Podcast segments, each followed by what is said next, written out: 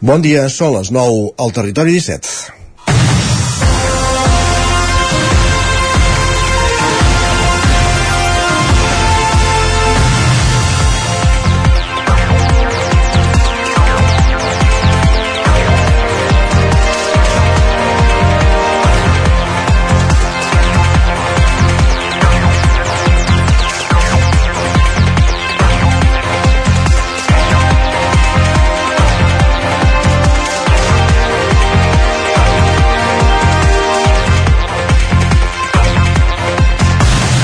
Aprofitant un dia festiu com Nadal i Sant Esteve, algú va fer un abocament d'una cinquantena de pneumàtics al riu Gurri, a Vic.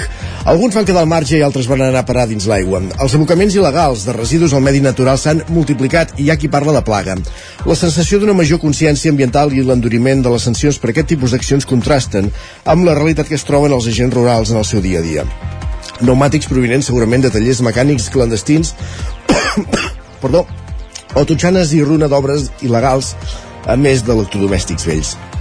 Ara s'hi afegeixen els residus de plantacions de marihuana o el plàstic cremat de qui roba cable de coure. Menció part, mereix l'anècdota que recull aquest dilluns al 9-9, que explica com van enxampar un infractor. Havia buidat el pis per despit, després de trencar amb la parella, i ho va abocar tot, incloses fotografies i cartes. No sempre és tan fàcil enxampar-los. I tot plegat suposa un mal de cap per a molts ajuntaments de municipis amb una gran superfície extensa i sense gaire població. S'hi troben Aurís, l'Esquirol, Gur, Montanyol, Auristat, Avèrnoles i molts més s'han duplicat el nombre d'abocaments en només 5 anys, superant la seixantena de casos al 2023 només a Osona i a Lluçanès. La llei preveu sancions de fins a 4.000 euros per abocaments il·legals considerats greus, però això no evita que es multipliquin els casos. Segurament l'objectiu és estalviar-se el cost del tractament d'aquests residus en deixalleries. Molts abocaments es produeixen en terrenys que són propietat privada, però els ajuntaments se n'han d'acabar fent càrrec per evitar que es cronifiqui i que les deixalles facin l'efecte crida per a nous abocaments. És difícil detectar-ne els autors, però caldria augmentar els recursos recursos per poder-los perseguir i sancionar. I també prevenir-los perseguint aquestes activitats clandestines, que són les que acaben finalment amb, amb abocaments il·legals al medi natural. I cal que les administracions superiors, des de Consells Comarcals fins a Diputacions i Generalitat, s'impliquin per donar un cop de mà als ajuntaments que han de fer front als costos de retirar aquests residus del medi natural. En la majoria dels casos, els materials que acaben abocats no, no s'han generat al municipi i potser tampoc a la mateixa comarca on es llencen. És dimarts 9 de gener de 2023, en el moment de començar el Territori 17 a la sintonia de Ràdio Cardedeu, on acudirem que la veu de Sant Joan, Ràdio Vic, el 9 FM, i també ens podeu veure, també ja ho sabeu, a través de Twitch, YouTube, Televisió de Cardedeu, el 9 TV i la xarxa més. Territori 17.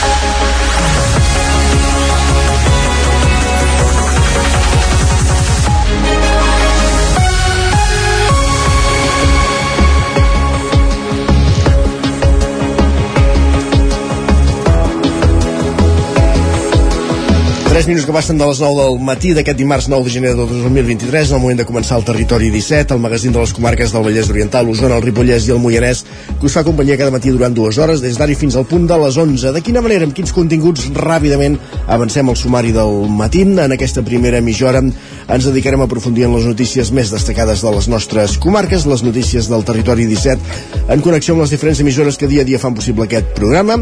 També farem un cop d'ull al cel amb en Pep Acosta parlant d'aquestes jornades gèlides que ens està deixant aquesta setmana aquests primers dies de, de setmana. Eh, per tant parlarem del temps amb en Pep Acosta a partir d'un quart de 10 i després anirem fins al quiosc amb en Sergi Vives per repassar les portades dels diaris del, del matí a uh, dos quarts de deu pugem al tren, la trenc d'Alba amb l'Isaac Muntades, recollint les cròniques dels soferts usuaris de la línia de tren R3, la Barcelona, Granollers, Vic, Ripoll, Puigcerdà, i a l'entrevista anirem fins a Cardedeu. Conversarem amb Josep Serra per parlar de la plec de Sant Hilari, de la plec de Sant Hilari de, de Cardedeu, que se celebra aquest cap de setmana. Acte seguit sortirem a l'exterior com fem cada matí i avui per parlar del temps, per repassar meteorològicament parlant el que ens ha donat el 2023 i ho farem en companyia de Manel Dot. De fet, qui el visita un matí més serà Miquel Giol. Anirem fins a, fins a l'estació meteorològica de Vic en un matí gèlid, veurem quines temperatures ha registrat l'estació aquest matí, però com dèiem també farem balanç de, del 2023.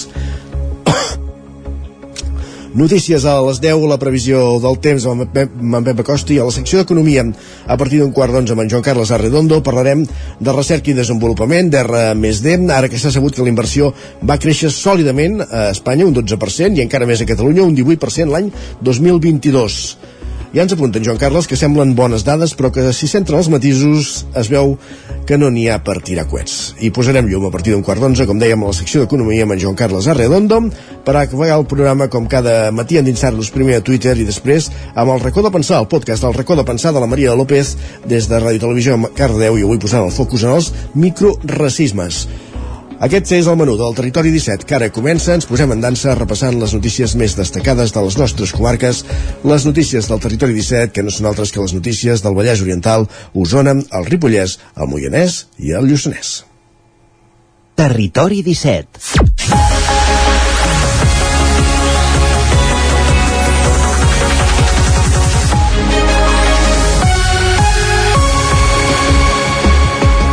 L'Associació de Municipis i Entitats per l'Aigua Pública registrarà aquests dies una alta i una baixa des de la comarca d'Osona, ja que Manlleu se'n desvincula i Tona passa a formar-ne part Sergi Vives al 9FM. Així ho han aprovat els plens de tots dos ajuntaments en una decisió que no implica per se cap canvi de model, però sí que perfila les intencions dels respectius equips de govern al voltant d'un bé imprescindible per a la vida i cada cop més preuat. En el cas de Manlleu, en el setembre de fa 3 anys emergia una plataforma ciutadana advocant per la remunicipalització gestió del servei en mans d'Akbar, l'executiu que integren Junts i PSC ha aprovat en solitari donar-se de baixa de l'associació. L'alcalde Arnau Rovira i la regidora de Governació, Lluïsa Bautista, van explicar l'últim ple que replantejar de model de concessió a empresa privada públic no forma part de la llista de prioritats de l'equip al capdavant del consistori. El grup més crític amb la decisió és la CUP, proactiu a, la, a favor del model públic i alineat amb els plantejaments de la plataforma ciutadana. A Tona, l'aigua en en baixa continua en concessió privada fruit d'un contracte prorrogat des de fa més de 3 anys. La voluntat de l'equip de govern d'aixecar via esquerra és estudiar el ventall de possibilitats, tot i que el regidor Josep Valdeoriola destacava l'últim ple que l'empresa pública del Consell Comarcal d'Osona constitueix un projecte pioner. La proposta va tirar endavant sense el suport de Tona Avança, ja que no creuen que sigui el millor per al municipi. Més qüestions. La policia local de Caldes de Montbui denuncia un exhibicionista que increpava dones en una urbanització del poble. Roger Rams, Ona Codinenca. Sí, exacte. La policia local de Caldes de Montbui ha identificat i denunciat aquests dies un home que feia exhibicionisme a la via pública i es dedicava a increpar les persones que es trobava, majoritàriament dones. L'home actuava en el camí coneix les urbanitzacions de Torre Negrell i de Can Maspons i feia mesos que la policia en tenia constància, però mai l'havien enxampat infraganti.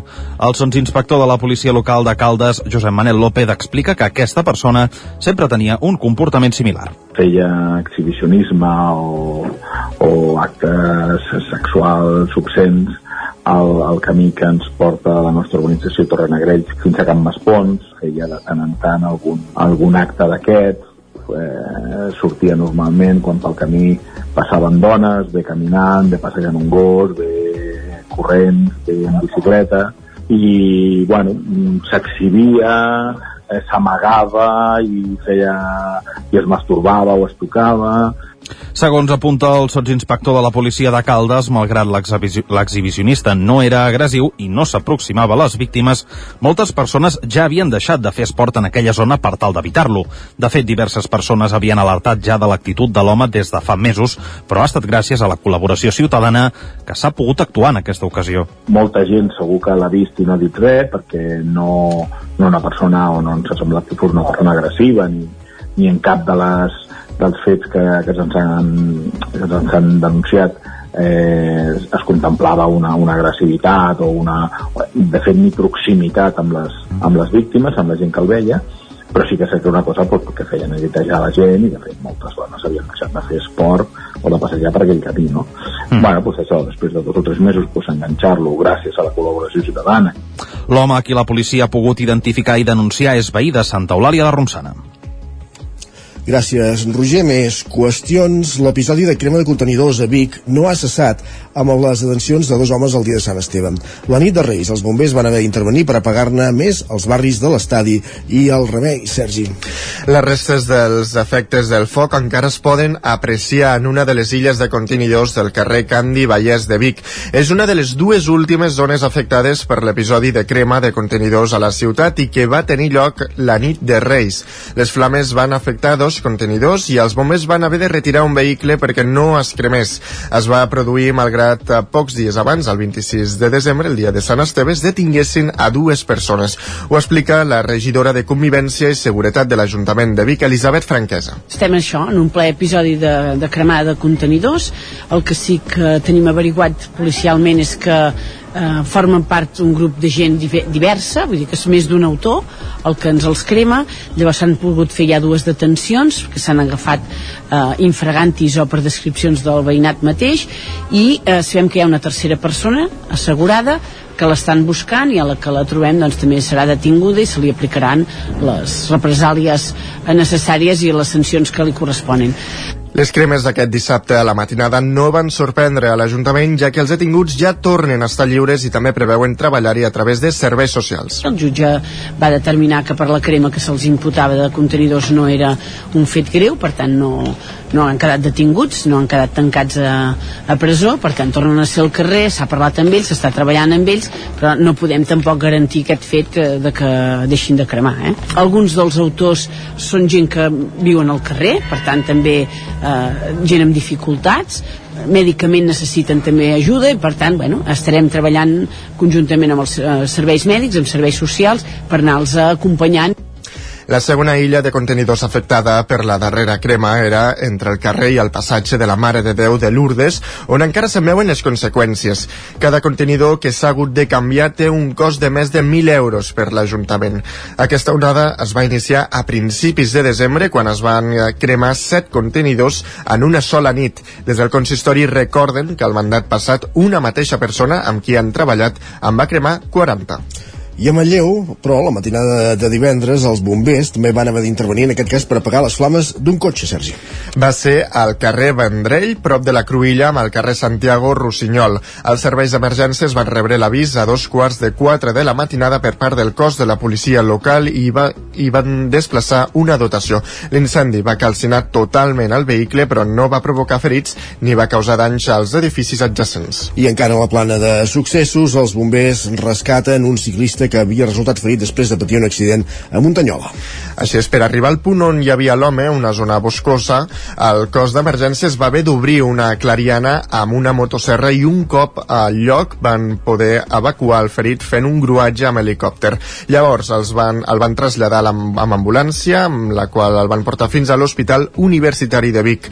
Els bombers van rebre l'avís de l'accident poc abans de tres quarts d'una del migdia. Gràcies, Sergi. Anem cap al Ripollès perquè Esquerra lamenta que la maquetació i impressió que de l'Ajuntament de Ripoll la portin empreses de Jaén i Alacant, eh, bàsicament perquè ha guanyat un, curs, un concurs públic. Isaac Muntades, la veu de Sant Joan. El grup municipal d'Esquerra Republicana de Catalunya de Ripoll va lamentar en el darrer ple que cap empresa ripollesa es beneficiï de l'adjudicació del contracte de maquetació i impressió de l'Ajuntament. De les tres empreses que s'ocuparan de maquetar i imprimir les publicacions del consistori, n'hi ha dues de fora de Catalunya, una d'Alacant i l'altra de Jaén i una de la Garrotja. El porteu republicà Roger Bosch va dir que hi havia camins per haver-ho aconseguit. Lamentar-ho que no haguem pogut ser prou hàbils també segurament perquè a l'hora de fer aquest concurs intentar doncs pensar si el màxim de objectius possibles, posar clàusules com una entrega express de 6 hores eh, difícilment ens el podran fer des de Jaén i, i crec que, que travessant la plaça en aquest cas alguna impremta que tenim molt a la vora sí que hagués pogut fer o, o, o, o que un company eh, apuntava de dir no sé si podrien també exigir que algun dels treballadors de l'empresa doncs, tingui un nivell de català per doncs, facilitar la correcció de textos. O... De fet, en la darrera sessió plenària els regidors tenien a sobre la taula els calendaris que ja estaven impresos a Jaén. Bosch apuntava que no es feia una aposta pel territori i que era poc sostenible. La idea de la DIL republicà era buscar una fórmula imaginativa perquè les empreses del Ripollès tinguessin la màxima puntuació possible. L'alcaldessa Sílvia Oriols d'Aliança Catalana va recordar que quan s'adjudica un contracte per més de 15.000 euros hi ha l'obligació de fer un concurs públic per complir la legalitat. De totes maneres, Oriols es lamentava que el concurs l'haguessin guanyat dues empreses de fora de Catalunya. Som els primers en planyens que això hagi anat a espategar empreses estrangeres, per tant tant haguéssim agraït no? que hagués pogut ser realment amb una empresa ripollesa de fet quan es van convocar les bases del concurs es van eh, ficar ja algunes clàusules que havien de garantir no? aquesta proximitat que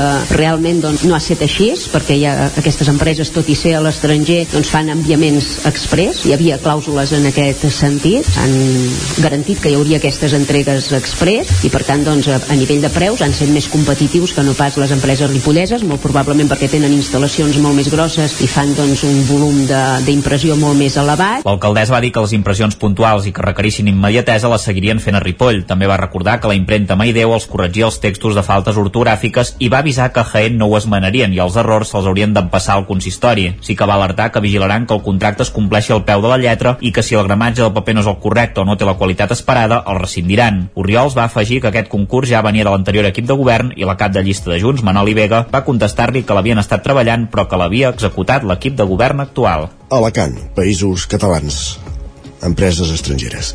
Més qüestions. Avís de cara a demà al Montseny de neu i pluja amb una cota que podria baixar als 600 metres. Enric Rubio, Ràdio, Televisió, Cardedeu. Així és, Isaac. Segons el pronòstic del Servei Meteorològic de Catalunya, aquest dimecres el Baix Montseny es trobarà immers en un avís de pluja i neu durant la tarda, que s'estendrà al llarg de 16 comarques. És per això que s'ha activat l'alerta de perill de neu en aquestes zones durant dimecres i dijous. El gruix que es pot acumular en aquesta franja del territori és de 5 centímetres a partir dels 700 metres. La previsió indica que la cota de neu es situarà dimecres al migdia al voltant dels 800 metres, però a mesura que avanci la tarda anirà baixant fins a rebaixar inclús als 600. Tot sembla indicar que l'episodi de nevades s'allargarà durant dijous, no obstant, encara no s'ha més cap avís per aquest dia. El passat divendres el Montseny ja es va enfarinar per primer cop aquest any i, com sempre, en aquestes ocasions van ser moltes persones que es van mobilitzar fins a l'indret per tocar la primera neu de l'any a la comarca. Des dels ajuntaments de la zona es prega que la gent que s'hi desplaci ho faci amb prudència i civisme, i és que són moltes les incidències que s'hi registren cada vegada que la neu arriba al Montseny. Es recorda que només es pot aparcar als llocs indicats i que en cap cas es pot aparcar en doble fila o als vorals de la carretera. Esperem, doncs, que les previsions es compleixin i que segueixin acumulant-se les reserves al massís, que cada any està més eixut i que es troba immers de ple en la polèmica de les plantes envasadores d'aigua, que segons les organitzacions ecologistes i varis experts estan explotant d'una manera sense precedents els aqüífers de la zona.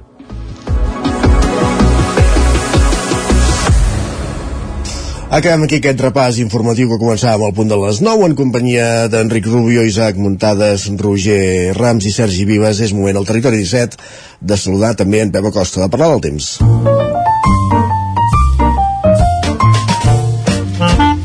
Casa Terradellos us ofereix el temps. Pep Acosta, bon dia, benvingut. Sobre Codinenca, quin temps farà avui? Molt bon dia, què tal, com va tot?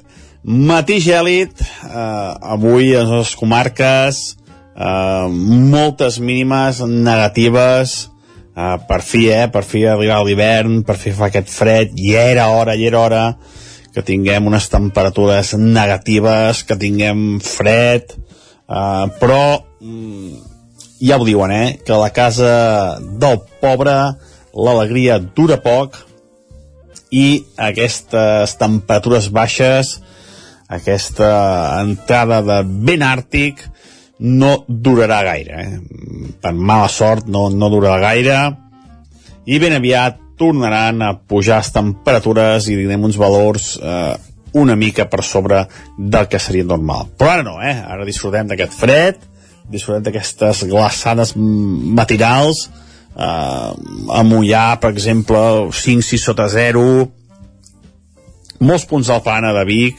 també 5, 6, 7, 8 sota 0, per tant, temperatures àmpliament negatives.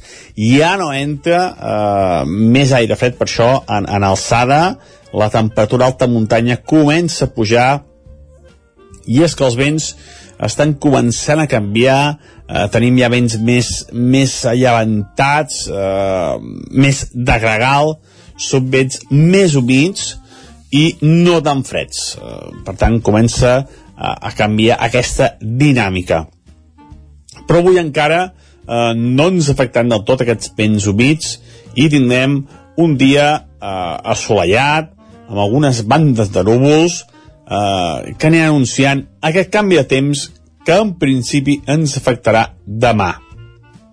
Les temperatures avui no pujaran, quedaran eh, bastant frenades, a part de, de que encara tenim molt aire fred i a part de que el cel estarà una mica ennuvolat, les temperatures màximes els costarà molt eh, passar dels 7, 8, 9, 10 graus a tot estirar, eh? per tant les temperatures eh, molt baixes durant tot el dia d'avui, farà fred, abrigueu-vos, però en principi no hi haurà precipitacions. Serà un dia, com deia, força tranquil, amb algunes bandes de núvols alts, que mica en mica es aniran fent més espessos i de cara a aquesta tarda ja poden deixar el cel bastant, bastant tapat, però de moment encara sense precipitacions.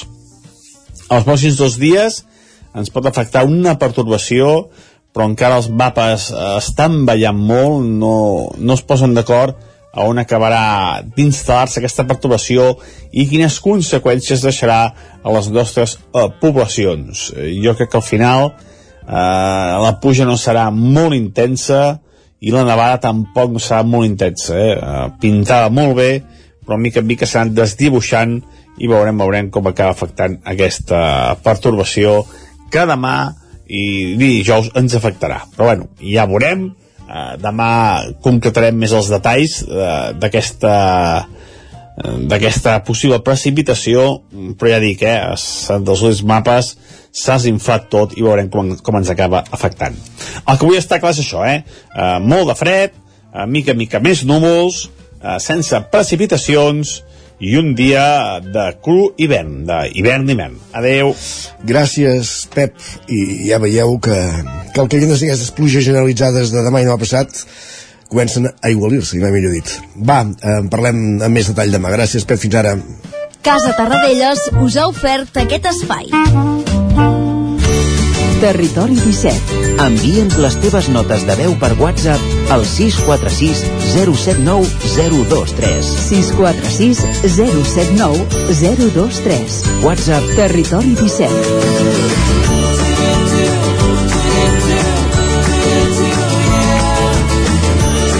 Territori 17. Som a Facebook, Twitter i Instagram amb l'usuari Territori 17.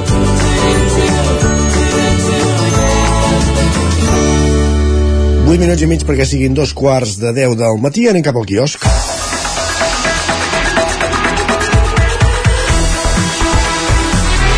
Perquè és moment de repassar, Sergi, quines són les portades dels diaris del matí d'avui, dimarts 9 de gener de 2024. Així és, uh, comencem pel punt avui, que encapçala la portada amb el titular Joc obert. Expliquen que l'augment de conflictes, les eleccions a bona part del món, les desigualtats i els grans desafiaments climàtics i digitals marcaran la competició geopolítica al 2024. Per altra banda, diuen que mor Ventura Pons, home de cinema. Expliquen que als 78 anys deixa un llegat de 33 films rodats majoritàriament en català.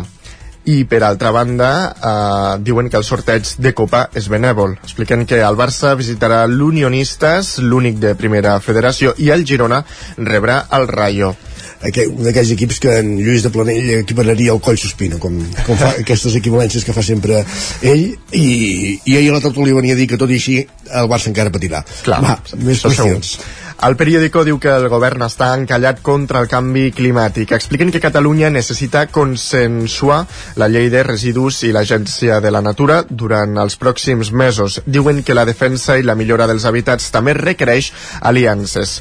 Per altra banda, destaquen el xoc per les mascaretes. Expliquen que Sanitat imposarà demà l'ús del tapaboques als centres sanitaris i el les... tapaboques, alerta. Tapaboques, sí. Carai als centres sanitaris i les residències, malgrat les reticències d'algunes comunitats autònomes. He sentit l'Ayuso aquest matí, ja, queixant-se, eh, que, que qui, qui són ells per obligar-la amb ella? En fi, és igual. No, bueno, sí, quan estigui malalta ja... Bueno, Exacte, com si no tingués un passat. Com el amb, amb el Covid, eh? Exacte. Bueno, en fi. Uh, la Vanguardia diu que Junts condiciona el seu vot a multar les empreses que no tornin a Catalunya. Expliquen que el canvi de la llei de societats de capital és una de les exigències per aprovar els decrets del govern central dels quals depenen mesures anticrisi. Per altra banda, diuen que un atac israelià mata al Líban un líder de les milícies de Hezbollah.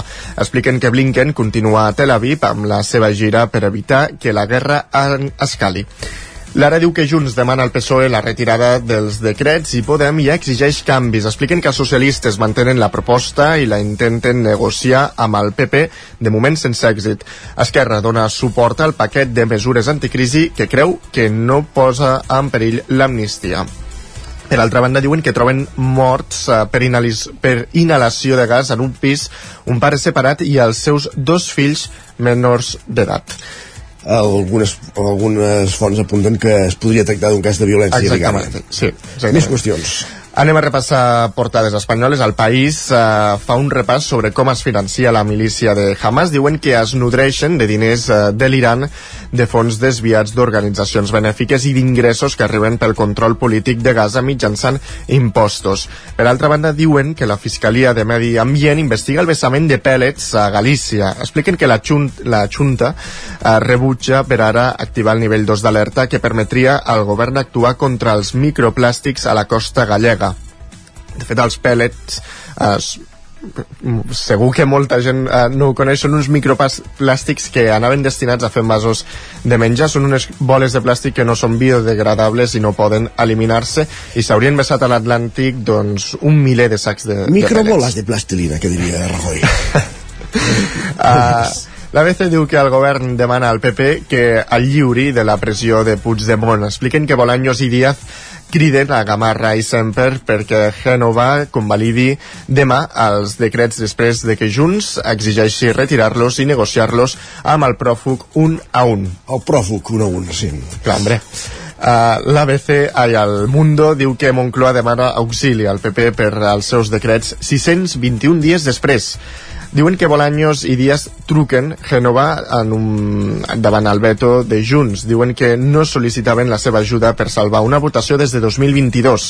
Expliquen que els populars reclamen baixades de l'IVA i de l'IRPF a canvi de donar el seu recolzament pel govern, però el govern no negocia què haurà fet la pobra ciutat de Gènova per anar a donar nom al, al carrer de la seu de, del PP, mare de Déu.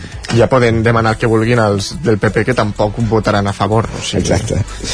Uh, I acabem amb la raó uh, que diu que els diputats i els càrrecs socialistes són conscients de que han de cedir davant Junts i dubten del president. Expliquen que Moncloa tracta de salvar els decrets amb Fejo, que avisa no estem per arreglar el desgovern. Ràpidament repassem digitals a l'edició d'Osona i el Ripollès del 99.cat. Doncs ens trobem una entrevista al conseller de Recerca i Universitats, Joaquim Nadal, que diu que Vic i Manresa s'han de posar d'acord per, un, per, un, per un conveni programa per als dos campus. I l'edició del Vallès Oriental? Doncs està en una concentració a Figaró contra la tallada d'arbres prevista a la zona urbana. Perfecte, doncs moltes gràcies, Sergi. A tu. Nosaltres fem una petita pausa i tornem d'aquí 3 minuts. Fins ara mateix.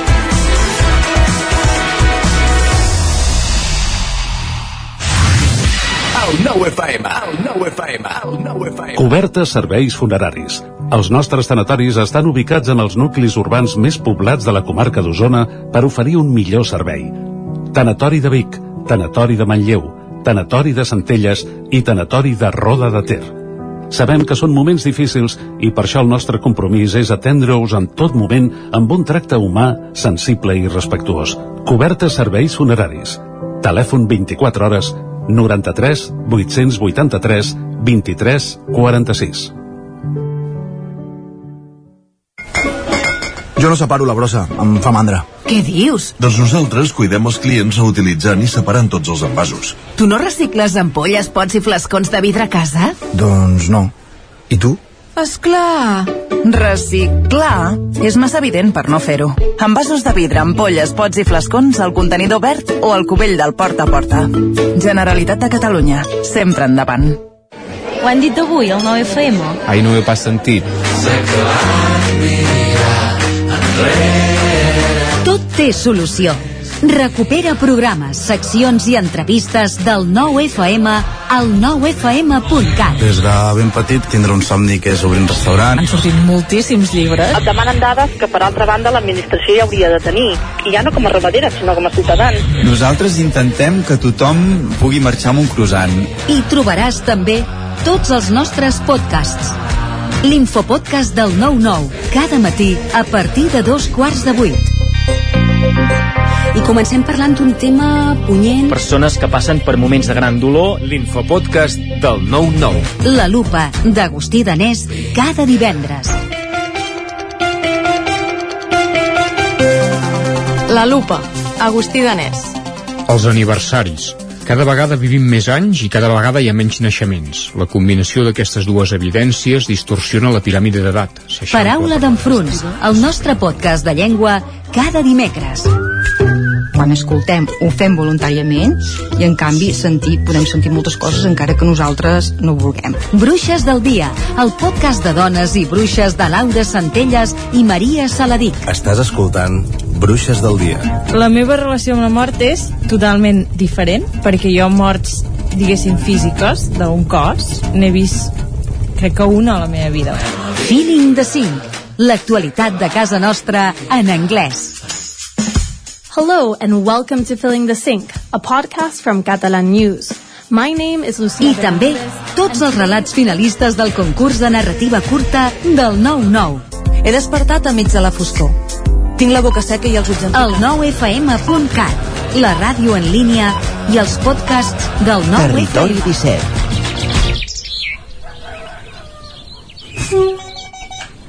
A Tren d'Alba. Cada dia els usuaris i usuàries de la línia R3 de Rodalies que veuen sortir el sol des d'un vagó ens expliquen les gràcies i les penes del primer comboi que uneix Ripoll i Barcelona o les feixugues jornades amb el tren després de treballar. Benvinguts a Tren d'Alba. En els pròxims anys, Renfe destinarà més de 2,8 milions d'euros per a la millora de diverses estacions de la xarxa de Rodalies de Catalunya. Es tracta d'inversions d'obres auxiliars que es desenvoluparan entre el 2024 i el 2026. Dins del pla d'obres a executar, es preveu actuar en el condicionament de les cobertes dels edificis de viatgers en algunes estacions, l'adequació dels aparcaments, la millora de la il·luminació de les andanes o la millora dels quadres elèctrics. Renfe licitarà un acord marc per a la realització de les obres de millora que començaran previsiblement durant la primavera del 2024 en què s'hi destinaran 550.000 euros, 1,3 milions al 2025 i 966.000 euros al 2026. Les actuacions previstes són les adequacions de la coberta de l'edifici de viatgers de Montcada, bifurcació Vic i Mataró, amb un cost de 350.000 euros per les dues primeres i de 250.000 per la tercera. Es destinaran 350.000 euros a l'adequació dels aparcaments de Mollet, Sant Fost i Blanes i 250.000 euros per la millora de la il·luminació de les estacions d'Arenys de Mar i Terrassa Estació Nord. Per a altres obres de millora dels quadres elèctrics en diverses estacions s'hi destinaran 500.000 euros més. Esperem que compleixin amb tot el que prometen. Va, ens retrobem demà amb més històries del tren i de l'R3. Territori 17. Un minut i mig que passen de dos quarts de deu al matí.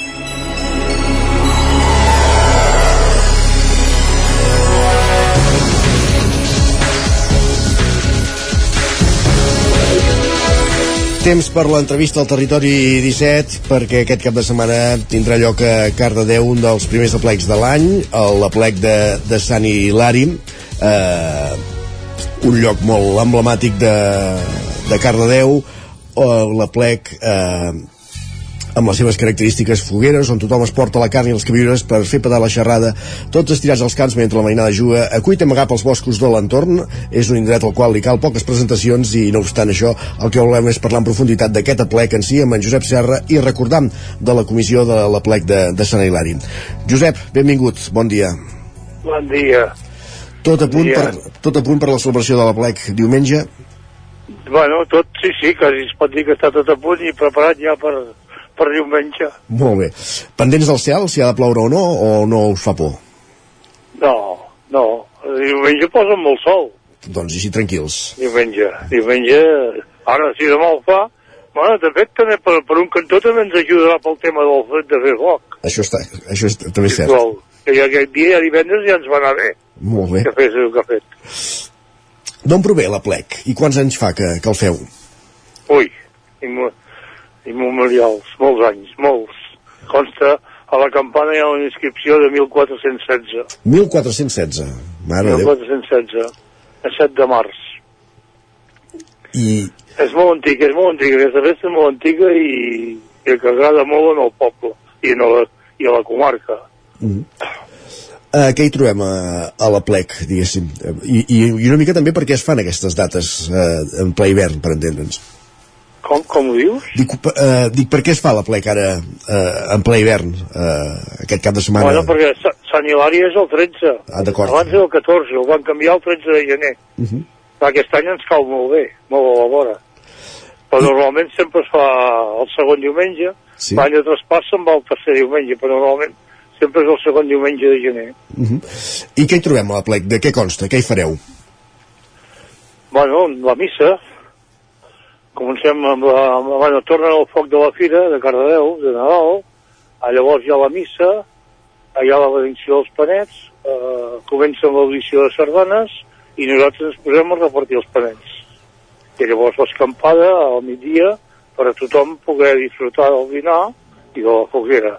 I a la tarda, allà és bastant complet, eh, per ser una plec, a la tarda hi ha el grup Esquits que comença per fer disfrutar la mainada i si algú vol pot acabar ballant com aquell temps que feien ball allà a l'era davant de l'ermita. Uh -huh. Uh, ara ens ho comentava, que reparteixen un, un panet. És un pa típic per, per aquesta festa. Com és aquest pa? Bueno, el panet, el panet és, és el símbol de, de Sant Hilari que ha guardat de pedregades i aiguats al, als camps. Uh -huh. I es reparteix a to to- tothom que, que hi fa cap? Reparteix, es reparteixen a, a tots, a tothom. Normalment tothom marxa amb un panet.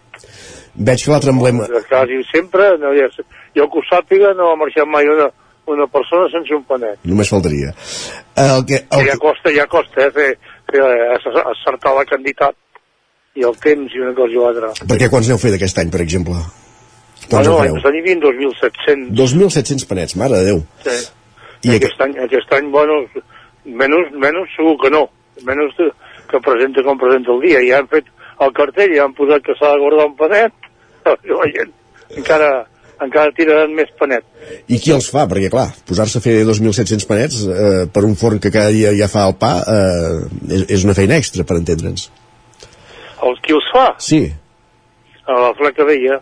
Ja, jo del meu record sempre els he vist els ha fet la Vella. Els havien fet a Can Domingo Vila, Uh -huh. però ara no, sempre eh, fa anys i anys que els fan la, la Fleca Vella. En Puig. Uh, el panet és un dels elements d'aquesta plec de Sant Hilari de Cardedeu l'altre també ho comentava la, la foguera uh, l'importància de, de no passar fred suposo també, no? Bueno, a part de passar fred tota la vida, doncs anar, anar a menjar carn i botifarres a, a la festa, a la plec. Agafar el panet i anar, anar al costat del foc i, i fer el dinar. i està, Això ha sigut, ha sigut una tradició que, bueno, abans la gent només pujaven al cabàs i la manta i les grelles, ara la taula i les cadires i això queda més, queda, queda més complet. Uh -huh. um, la foguera està encesa tot el dia o com funciona? A quin moment s'encén? El foc? Sí. Sí, tot el dia, sí, comença a les 7 del matí. Quan jo marxo d'aquí a casa cap a buscar els panets de Cardell, ja veig, ja veig fogueres allà dalt. Molt bé. I jo, bueno, m'he de limitar a les 6 de la tarda perquè, esclar, nosaltres no tampoc podem jugar quan se fos veure les fogueres enceses, ah, els forestals podrien venir ens podrien, ens podrien cascar i podrien fer molt bé que llavors no ens deixessin fer foc. Uh -huh. A les 6 de la tarda han d'estar apagades Sí. i, i ja està bé, des del matí fins a les 6 de la tarda el foc.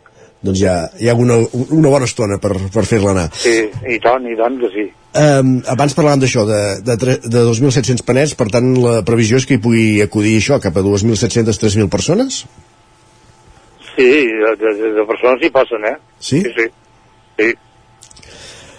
I... Eh, gent, digue, digue. gent ni, ni puja i a buscar, molts pugen a buscar el paret i marxen i els que es queden allà. Uh -huh. I jo deixo, jo deixo un camp per aparcar, que és allà a sobre, per posar els cotxes i, i que ho tinguin més a la vora. Molt bé. Ara estava rumiant pels que no som de Cardedeu, pels que no coneixem, a quina distància està del poble, diguéssim, el, el, Hilari, eh, el punt de, de la plec?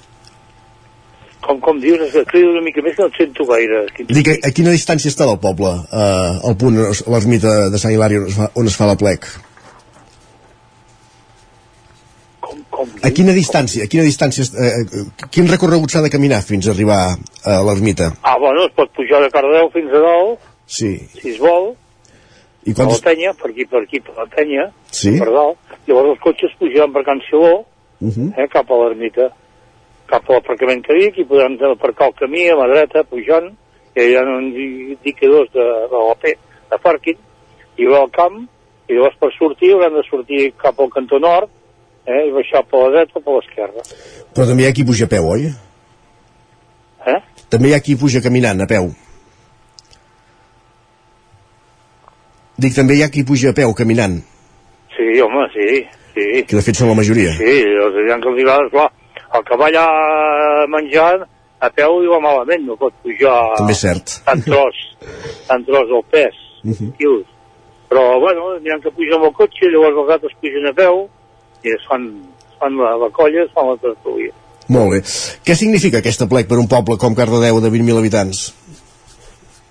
Bueno, jo crec que és una festa que, que val la pena viure-la a Cardedeu. Uh -huh. I una mica, eh, qui, per qui està formada la comissió que organitza aquesta plec i quines tasques feu al llarg de, de l'any? No, durant l'any no. No. Ho fem tot, res. tot ara és, eh, tot és per aquesta data, eh, diguéssim? Per? Dic, tot, és- eh, tot, la feina és ara just per la plec, per entendre'ns. Quanta gent sou que, que l'organitzeu? Pues som una... Bueno, ara la setmana no som gaires, perquè tothom treballa i tothom té feina. Anem, anem preparant, però llavors el divendres i dissabte ja som una dotzena. Una dotzena de seguida. Ja, 12, 10, 12, els som. Uh -huh. Perquè també hi ha la seva feina. Està clar. Uh, Organitzar, el, diumenge el diumenge a les 5 del matí hem d'anar a ensecar els panets, uh -huh. pujar-los allà dalt, vull dir que anem, anem, quan arribem el diumenge al vespre, ens assentem bé, cansats, eh? vale? Dic, quan arriba el diumenge al vespre ja, ja en- arribeu cansats a casa. Sí, arribem ja, ja dic, sí, tenim ganes de seure i ens assentem bé. Si el dia fa bo, dia fa molt temps es va de seure allò, però millor que faci bo perquè disfruta tothom i disfrutem nosaltres també. És una jornada de germanor, està clar. Per qui encara no hi hagi vingut mai, eh, quines recomanacions feu? Ah, de què? De... De, de si es planteja venir al plec, diguéssim, com, com s'han de plantejar la jornada, diguéssim, com, com han de venir, quin tipus de de- d'elements han de portar si, si volen passar-ho bé. El que dèiem abans, taules, cadires... Sí, Què és, bueno, necessari, què és necessari i què no? això cadascú se l'ha de portar a la taula i la cadira, eh? Està clar. Cadascú, sí. Diu que Sant Hilari és el dia de la festa i el sant de la germanor. El dia del festa i el sant de la germanor. Eh? El dia, sí, el dia de la festa. Així ho he sentit dir. Uh Mhm. És el, el sant, és el, el sant de la festa, Sí, sí. Sant Hilari, i el padró de la germanor. El patró de la germanor. Tothom està agermanat, i això és veritat, eh? I... Tothom, tothom... Hi ha un companyerisme que sempre ens ha, ens ha agradat molt, eh? Uh -huh. Mai hi ha hagut braies, ni follons, ni excursions. No me sortiria. I també deu ser una jornada de, de retrobaments, no? Sí, Perquè Sí, sí. és una de les, Bueno. És una de les dates de l'any eh, marcades al calendari de Carde, dels cardedeuencs. sí, sí, sí. Però bueno, tu, Molt bé. està? Sí, sí, això, això serà, com dèiem, aquest diumenge, Josep, eh, a la, la plec de Sant Hilari, l'ermita de Sant Hilari, eh, durant tota la jornada. Eh, N'hem pogut parlar amb un dels seus organitzadors. Josep, moltíssimes gràcies per acompanyar-nos aquest matí. Vale. Gràcies a vosaltres, eh? I queda tothom convidat cap allà dalt, diumenge. Perfecte. Doncs Vale. queda dit. Moltíssimes gràcies, bon dia. Doncs vinga, bon dia. Adéu, adéu. Adéu. Doncs com dèiem, la, la plec de Sant Hilari de Cardedeu que es farà aquest diumenge, n'hem parlat amb un dels seus impulsors, eh, amb en Josep Serra i recordar, eh, hem parlat per exemple d'això, de, de les característiques d'aquest plec on s'hi troba molta gent de Cardedeu durant tota una jornada divulgativa i festiva eh, a l'entorn d'una de les fogueres des d'on es poden preparar doncs, eh, els àpats que, que s'hi fan allà dalt. També es reparteix el panet típic de Sant Hilari per tots els assistents i al final, com acaba d'explicar-nos ara un dels seus organitzadors eh, no acaba sent més que una jornada de, de germanor Uh, continuem al territori 17, hem conegut aquest aplec de Sant Hilari de Cardedeu que se celebra aquest diumenge i tot seguit serà moment de, de parlar del temps.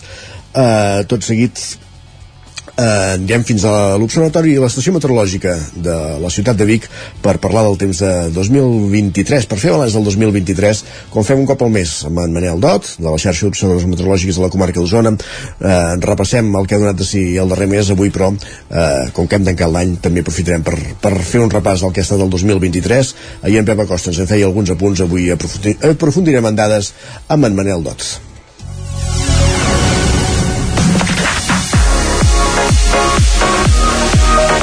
Territori 17 Mig minut i seran tres quarts de 10 del matí.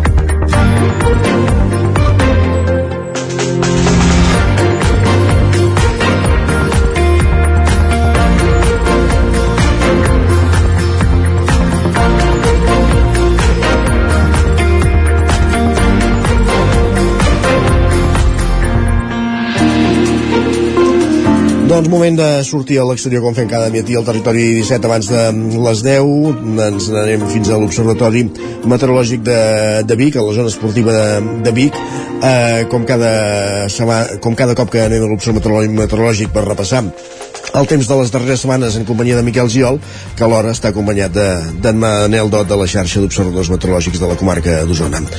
Miquel Giol, benvingut, bon dia, ets per aquí, ja? Molt bon any, com bé dius això. Uh, som un altre dia i un altre any aquí a l'Observatori Meteorològic de Vic. Que... Uh, Miquel, si pots pujar un pèl al volum del teu micròfon, que et sentim molt baix, segurament pujant una mica el volum resoldrem aquesta Ara anomalia. Uh, no, encara et sento baix, eh? Val, ara, ara, molt, ara molt millor, perfecte. Ara, sí. molt millor, perfecte. Sí. Doncs això, com dius, eh, som aquí un altre cop a l'Observatori Meteorològic de Vic, on ens hi ha acollit un dia més el seu observador, en Manel Dot, per repassar la meteorologia ara que ja hem tancat l'any d'aquest 2023, que tanta sequera i, i, i poca aigua ens ha portat. Bon dia i bon any, Manel. Hola, bon dia i bon any. Any, any i congelats. Sí, i de moment això, de moment sembla que bon any, no? Perquè hem, hem tingut aquestes primeres pluges i sembla que de moment anirà pujant una miqueta, no, això? Eh, sí, home, vam pipar que fos el dia, el dia de la cabalgata, just a, quan va caure més aigua, però bé, benvinguda i, i de moment hem començat l'any doncs, força bé el que és en precipitacions. Eh, 16 a 17 litres van caure doncs, el dia de Reis, depenent del punt. Eh, per exemple, a Lluçà, Puigdegordi, sobre Centelles, eh, eh, 15,2 per exemple, els de Baganyà, a banda sud, que és també dels punts que havia fet menys, doncs ho ha fet, ho ha fet bé, vull dir que ha anat bé. Ha entrat aire fred eh, en alçada, eh, un cop passat aquesta perturbació, i se'ns n'acosta un altre que veurem a veure què passa, que sembla que serà força activa i que portarà neu a, a cotes de, en principi, 600-700 metres, però ja ho veurem. De moment, eh, tenim doncs fred, això sí, amb mínimes molt, molt baixes, que bé, és el que convé, el que toca en aquest temps. Bueno, ara això, pendents d'aquest dimecres i aquest dijous, a veure si podem acabar emblanquinats i tot aquí a la comarca, en les alçades, això, 600-700 metres, a veure com acaba. Uh, Manel, avui tenim molta feina perquè hem de repassar així breument el desembre i a més hem de repassar el 2023, ara que ja l'hem tancat. Si intentem això, resumir una miqueta ràpidament el que és el desembre, uh, com va anar tot plegat? El desembre doncs, ha estat un del, dels mesos més secs eh, que hem tingut, eh, temperatures, bon, eh, temperatures ha estat un mes càlid, eh, com en general tot l'any, i càlid i sec, o sigui, precipitacions a Vic, per exemple, van caure 9 litres, i en general, doncs, a tot arreu ha estat eh, doncs, un, mes sec i càlid, o sigui, temperatures, doncs, eh, de fred poc, el que és, el que és aquest mes de desembre passat i que si ja, per exemple, comencem a repassar tot el que seria l'any, aquest desembre ha seguit la tendència del que seria tot el 2023, no? Com, com ho valoraríeu? Sí, a veure, l'hivern passat ja va ser sec, eh, amb poca precipitació i càlid, i en general el que és, eh, si fem una repassada del que és l'any doncs bueno, en general ha estat eh, càlid i sec no? Hem, ha estat el segon més, més càlid des de que tenim dades, el primer va ser l'any passat vull dir que és dos, dos anys portem tres anys eh, fotuts el que és en, sobretot en pluja i amb temperatures també doncs, eh, mitjanes doncs, per sobre de, del que tocaria cada mes des de, excepte el gener el gener va ser bastant normalet i fred, estil d'aquest que, que, tenim, que tenim aquest any i a partir d'aquí doncs temperatures en amunt i les mitjanes van ser totes per sobre del, del que tocaria i vam acabar l'any doncs eh, una mica per sota, o sigui, de, bueno, el, ha estat el segon més càlid eh, des que tenim dades, per exemple, comptant des del 1950 ha estat el segon més càlid que hem tingut i si ens parlem ja també de la pluviometria, com ha estat aquest 2023? Eh, sabem això, que ha estat per sota, però com ha quedat repartit? Com ha estat la distribució de la pluja? Com ha anat caient?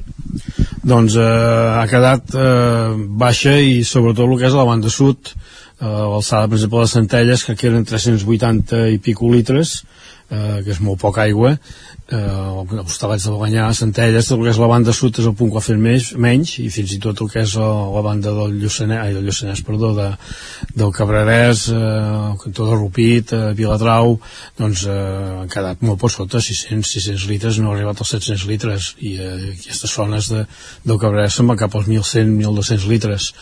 Eh, Rupit, per exemple, em deien que era dels més secs que havien tingut, i, uh, i uh, a la banda nord ho ha fet una mica més, sobretot el que és el Lluçanès, a punts del Lluçanès i el Vidaranès, uh, però tot i així s'han quedat uh, també pel vols dels 700 litres, vull dir que el que és a, a Ciutat, per exemple, uh, em deien que era des del 1958 el més sec que havíem tingut, amb, amb, o sigui, amb precipitacions, amb poques precipitacions perquè això si ens mirem les xifres en comparació en el que seria la mitjana habitual de la pluja en aquests mesos podem veure com sí que està per sota però potser no és una cosa exagerada no? però tot i així com és que continua havent-hi aquesta sequera? A veure, en portem, tal com deia, són quasi bé 3 anys de, de, de que la precipitació no ha arribat a la que toca. En aquí encara tiràvem una mica de veta de, de Glòria, que ens va deixar molta aigua eh, però mica en mica, esclar, si anem gastant doncs eh, cada vegada som més eh, i hem de, hauríem de, de reaccionar més a la pluja, a la pluja l'aigua que gastem eh, perquè gastem massa i el que cau és poca. Eh, de totes maneres, bueno, i destacar eh, d'aquest any, el que deies no, o sigui, les precipitacions mensuals han estat totes per sota eh, cada mes excepte dos mesos eh, que seria el maig i el juny que va caure doncs, el 60% de la pluja de tot l'any. O sigui, el maig i el juny, jo crec que era el, el juny que vam arribar als 225 litres, per exemple, que és aquí a la Plana, o, o que és a Vic, i el, i el maig també van passar del 100. O sigui que amb tot l'any, doncs, aquests dos mesos eh, ens van salvar una mica el que és les precipitacions, perquè el que és a partir d'aquí, doncs poca aigua, i el que és la tardor, la tardor va ser molt càlida, sobretot el mes d'octubre. Eh, si, per exemple, en general eren dos graus per sobre de, de la climàtica cada mes, quasi bé, el mes d'octubre va ser quasi bé 4, 3,9, eh, per exemple, en el cas de Vic, i, i a partir d'aquí doncs, destacar de, de que fins i tot el que és les plantes eh, eh, hi ha moltes plantes silvestres que, que han tornat a florir eh, com si fos una primavera eh, en el mes d'octubre degut a, la, a les temperatures que teníem i a més ens hem trobat coses i uh, moments en els que hem, hem estat perjudicats, per exemple, que els bolets no van sortir aquest novembre, no? Podríem dir? No, clar, em va fer una mica de florida que és el Lluçanès, a la banda de, del Berguedà, eh, també cap al nord d'Osona, a punts que havia plogut eh, una mica eh, o sigui, quan tocava, no? Però res, un cop eh, d'això, a més a més el vent també ens hi ha ajudat bastant eh, a secar, vull dir que la poca aigua que queia encara feia el vent ens l'acabava de secar. Si volets res, aquest any ni, ni pensar-ho a un, però pocs.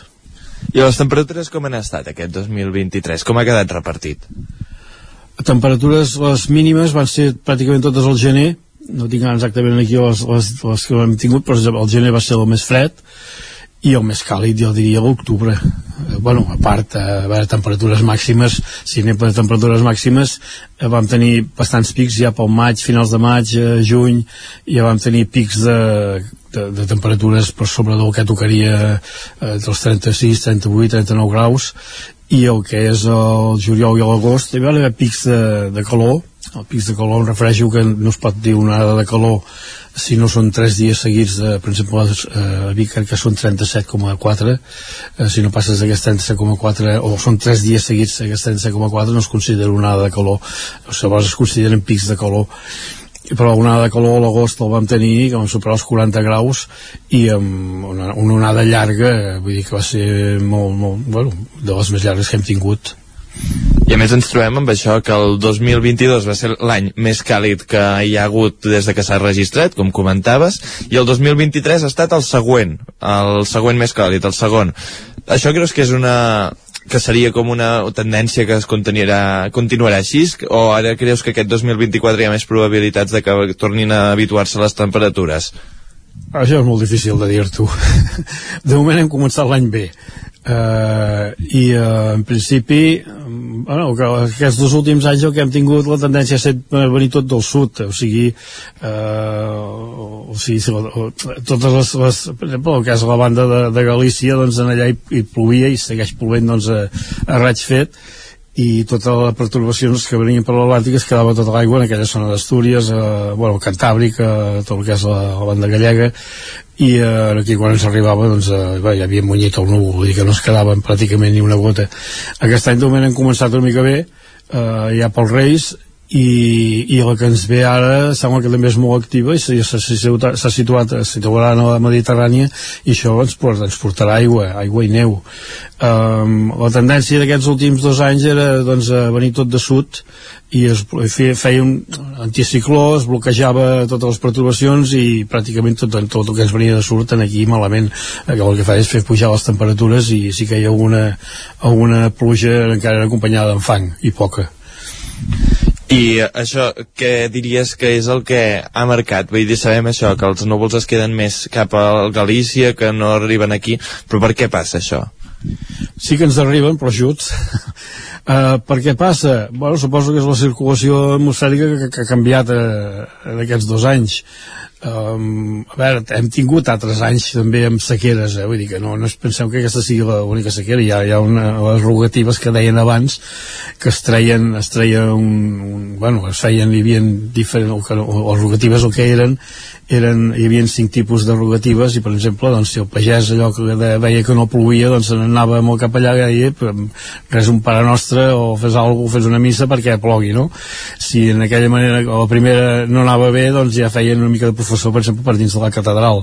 A la, a la, a la, si la segona no anava bé feien la tercera part que ja era sortir fora de la catedral. Fins a arribar un moment que bueno eh, eh, no recordo exactament l'any però eh, es va anar 5.000 i pico persones de, de Vic van anar fins a la greva en professor eh, a posar una relíquia que portaven doncs, a l'aigua que després ho van anul·lar això perquè es feien malbé les relíquies i per demanar doncs, que plogués. Vull dir que això fa molts anys enrere hi havia hagut ja moltes altres de sequeres. El problema és que ara bueno, eh, és diferent. Eh, o sigui eh, és més, o sigui, és, eh, a part de que som molta més gent, eh, molt més consum, jo sé que el consum és el... i nosaltres som els que més ho han perjudicat, eh? Doncs Manel, mira, si et sembla, fem com cada dia, ens aixequem, ens abriguem avui perquè déu nhi del fred que fa avui aquí fora i anem a conèixer, com fem cada dia, una, un dels instruments que, que té per aquí fora de l'estació meteorològica, perquè n'hi ha molts, hi ha diferents caixes així, amb termòmetres, amb, amb, amb bueno, és trist, la, un dia ens va ensenyar l'heliògraf, uh, l'últim dia, a més, ens va ensenyar el pluviòmetre, que és, el, evidentment això forma part de l'estació manual, la, la, la que és l'estació automàtica ja és tot automàtic i no té aquests estris tan xulos, per dir-li d'alguna forma. I avui què ens ensenyaràs, Manel? A veure, ara que ja estem aquí al jardí. Jardí, bueno, el, el, el, bueno diguem-li així, jardí. Sí, a l'observatori. Uh, bé, us ensenyaré doncs, un instrument que pràcticament no fem servir molt poc per culpa doncs, d'una doncs, altra cosa que no n'hem parlat abans, que és la boira. Uh, la boira, doncs, uh, aquest any, per exemple, o aquests dos anys, doncs, ha estat uh, pràcticament la meitat de la que, de la que, que s'ho vam tenir, no? Aquest instrument doncs, no és res més que una tela d'un metro, és un, uh, un panell d'un metro quadrat, uh, hi ha una tela, tela d'aquestes de firaire, uh, d'aquestes negres, i el que passa quan hi ha boira, Sí, que aquest, eh, aquest instrument en demanem, o sigui, el nom és recol·lector de boira, o boirímetre, diem també. És, eh, no res més que aquesta tela, quan la boira passa entremig d'aquesta tela, doncs les gotetes d'aigua que porta queden enganxades en la tela, regalinen, van a parar amb una canal, i aquesta canal hi ha un dipòsit, i comprovem la quantitat d'aigua que deixa la boira, eh, o que deixava la boira, perquè pràcticament ara poc, poc el fem servir. Bueno, i ara veiem que hi ha aigua, però que està congelada, eh? Uh, sí, aquesta és l'última és de, de l'última pluja, eh? Hauríem d'haver buidat. Però que, ja dic, com que no tenim pràcticament boira, doncs eh, poca cosa recollim. Generalment, eh, aquest tipus d'instrument, eh, això van inventar-ho uns canadencs, uns, uns eh, tècnics canadencs de meteorologia, eh, que, o sigui, es veien, doncs, per exemple, que a muntanya moltes vegades passa el Montseny, que ja està ple de núvols, però com que la goteta és tan petita, doncs no pesa prou i no plou i aquell núvol es desfà i ja està. Doncs què van fer? Van fer la prova aquesta, van muntar un, una tela dalt de muntanya, eh, això que cap, cap al Perú, i eh, van veure quina quantitat d'aigua recollia. Al veure que, que, que recollia molta aigua, doncs llavors, per exemple, a Canàries hi ha grans extensions de teles d'aquestes per recollir aigua. O sigui que recull, es recull molta aigua. En el cas de la boira no tanta, però bueno, dues dècimes diàries o dues miles, excepte quan és boira polonera, que fins i tot hem enregistrat un litre. I que està molt bé. I és... Uh, doncs això, Isaac. Miquel, uh, ja digues, digues. heu fet una punt a l'inici, eh? però Manel, si ens pots fer una previsió per demà i demà passat, realment tindrem pluja, tindrem neu aquests dies o com ho veu ara mateix ell? Ens podries fer una mica de previsió sobre el que tindrem demà o demà passat? Sabries dir-nos si hi haurà pluja, si hi haurà neu per aquesta zona? A veure, ens arriba aquesta perturbació activa, es posa a la Mediterrània i això ja és, és, és, és eh, perillós, entre cometes. Eh, com que tenim aquesta entrada d'aire fred, eh, que, bueno, avui, per exemple, hem tingut mínimes a baix bujons de 11 sota 0, Mare eh, o aquí Vic hem fregat el 7 sota 0. Doncs, eh, a veure, amb aquest aire fred que hi ha, quan es ve de, Mediter de la Mediterrània, generalment les temperatures solen pujar, quan venen llevantades. Eh, demà, a partir del matí, eh, depèn de com ens enganxis, si comença comences al matí eh, sí que les primeres hores els, la cota de neu seria baixa a partir de 500-600 metres però després la tendència és a pujar cap als 700 o 800 veurem què passa el dijous al matí perquè la part més activa passaria entre la tarda, vespre i nit de demà i, i, el, i el matí de dijous. O sigui, eh, la nit eh, pot baixar més la cota però al principi jo crec que a partir de, de 500-600 metres serà nevar doncs això serà demà, com ens apunta Manel Dot. Eh, gràcies, Miquel, un matí més per ser aquí a l'Observatori, per parlar de, del temps del 23, per fer aquest compendi i també per descobrir-nos aquest nou aparell de, de l'Observatori. Gràcies a tots dos i bon dia. Adeu, bon dia. I ara, quan passen dos minuts de les 10 del matí, serà moment de posar-nos al dia, d'actualitzar-nos amb les notícies més destacades del territori 17.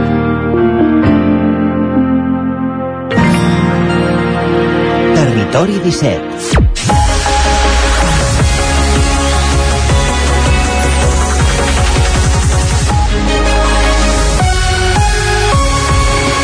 Com deia, moment per posar-nos al dia, moment per les notícies de les comarques del Vallès Oriental, l'Osona, el Ripollès, el Moianès i el Lluçanès, que fem cada matí en companyia, en connexió amb les diferents emissores que dia a dia fan possible aquest programa.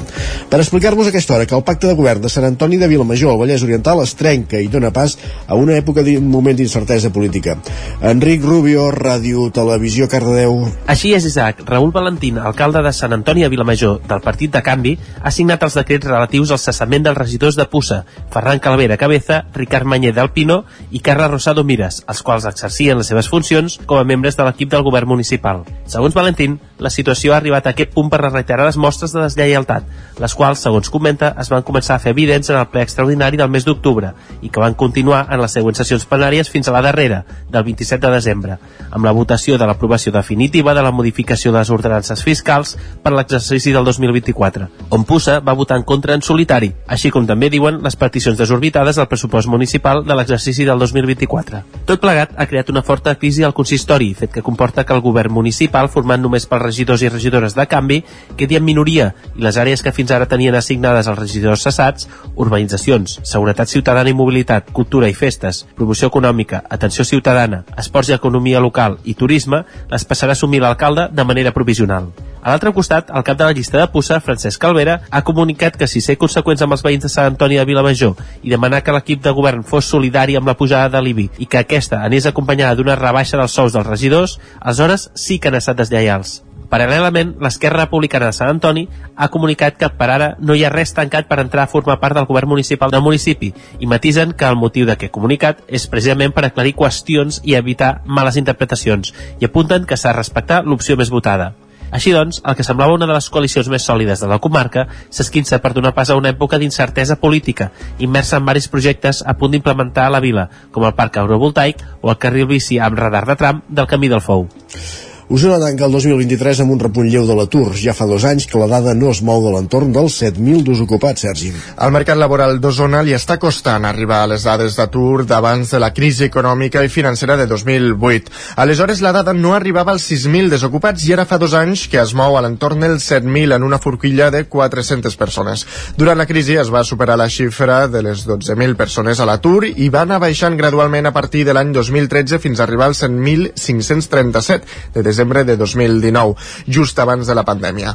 Al cap d'un any se superaven els 9.000 i un cop es va anar recuperant l'activitat, la dada s'anava reduint fins als 6.782 dels mesos de maig i juny de 2021.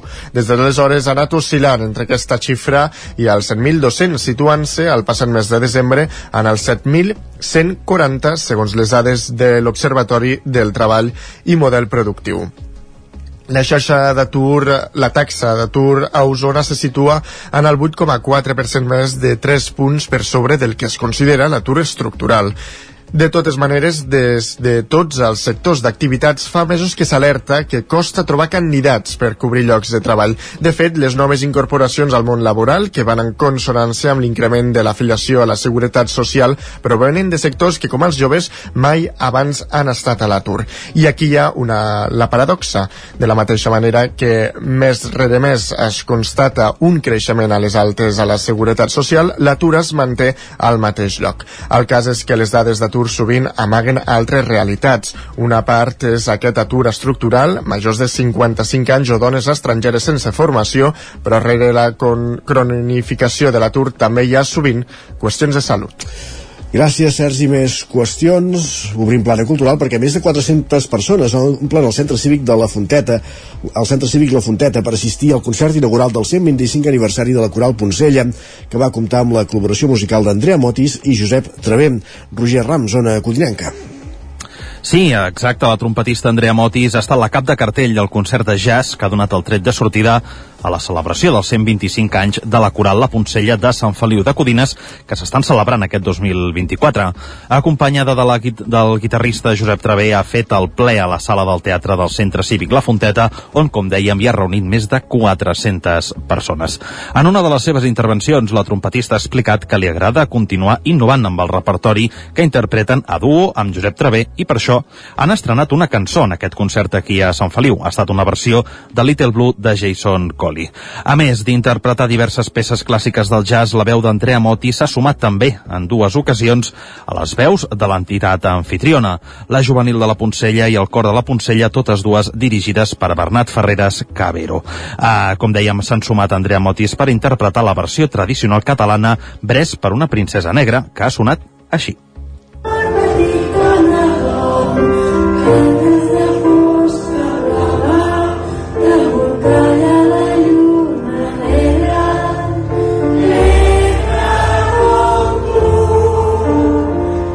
Aquest, com dèiem, ha estat el primer acte de celebració del 125è aniversari de la Coral que se celebra aquest any. Pere Pladevall és el director de les... Disculpa, és el president de la Coral Poncella de Sant Feliu. Actualment tenim 200 socis i sòcies i gràcies a l'impuls de, de les juntes de l'anterior president, a mi, en Josep Pagarès, l'entitat està plenament sanejada i això ens permet fer arribar la cultura musical a tothom que ho desitgi de forma gratuïta i sobretot de qualitat. Ningú paga per aprendre a cantar a la Poncella. I aquest sí que és un verdader esperit claverià que no voldríem perdre mai. La Coral Poncella es va fundar de forma oficial l'any 1899, sent una de les més antigues de Catalunya i té actualment, com sentíem de la veu del seu president, 200 socis. Gràcies, Roger. I a la plana esportiva, després de l'etapa marató d'ahir al Dakar entre el Dawidimi i el Salamilla, a l'Aràbia Saudita, Gerard Ferrés manté el liderat de la categoria T4 de buguis que ja vau tenir diumenge, Sergi. El pilot de Manlleu, acompanyat de Diego Ortega, va acabar l'etapa en tercera posició a 5 minuts i 24 segons del guanyador, el pilot local Yassir Seaidan. El resultat, però, li permet ampliar avantatge a la general sobre la segona classificada, la seva companya d'equip, Sara Prise. També a la categoria T4, Marc Solà, com a copilot de Ricardo Ramilo, es va situar dins el top 20 de la classificació i Joan Font va poder completar l'etapa d'ahir amb normalitat després dels problemes de diumenge que el van obligar a arribar al Vivac per carretera amb una penalització de 23 hores i mitja. En cotxes, Nani Roma va acabar 36è perdent més de mitja hora respecte als primers classificats i va baixar fins al 19è lloc a la general. Just darrere seu hi ha la pilot resident a Ceba, Laia Sanz. Després de l'espectacular 16è lloc que va aconseguir diumenge amb el seu Astara, ahir va acabar en la posició 31. I l'última representant osonenca, la copilot Rosa Romero, ocupa el 21è lloc a la general dins la categoria Challenger al costat del canari Pedro Peñate. Ara ja fa 5 hores que va començar l'etapa d'avui de motos i fa poc més de dues hores la de cotxes.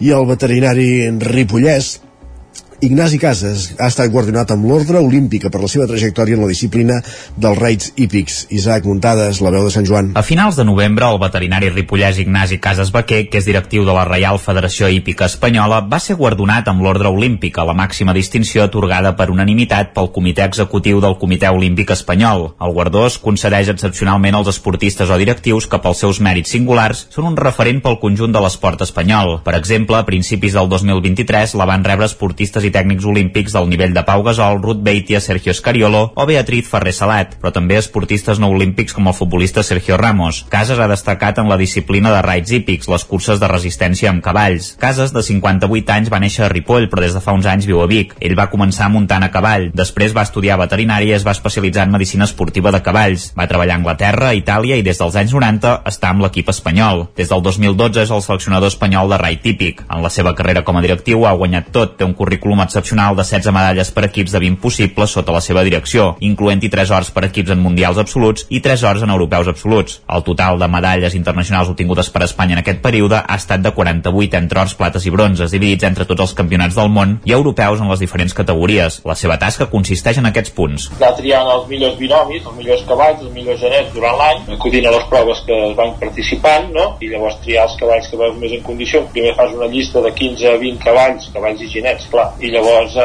acabes triant 5 o 6 cavalls que són els que competeixen el dia de la competició i llavors allà gestionar la carrera també. No? Tot això ho faig amb un equip, jo no sóc sol, no? tinc uns tècnics, tinc un veterinari també, a vegades inclús dos, eh, tota una sèrie de tècnics que m'ajuden. El Ripollès també s'ha erigit en un gran promotor de la disciplina, creant 14 campionats entre el 2013 i el 2023. De fet, va capitanejar l'organització d'un esdeveniment d'alt nivell amb el Mundial i l'Europeu de Vic del 2022. Osona és una potència mundial en aquest esport i Catalunya compta amb un munt de proves. També es tracta de la disciplina més assequible dins el món de l'hípica. El món del cavall també té aquesta imatge elitista o aquesta cosa. El, la resistència a cavall precisament seria una mica al revés, no? Seria el més popular del cavall. Evidentment tenir un cavall no tothom té un cavall, però un cavall per dir-ho d'una manera, dels més barats o més normalets, que permeti anar a passejar, doncs amb això ja pots fer resistència a cavall, no? Per anar a fer resistència no necessites una gran instal·lació ni una hípica supergran ni un gran complex d'equitació, no? Tu tens muntanyes, tens camp, precisament és una de les claus d'Osona, no? Que...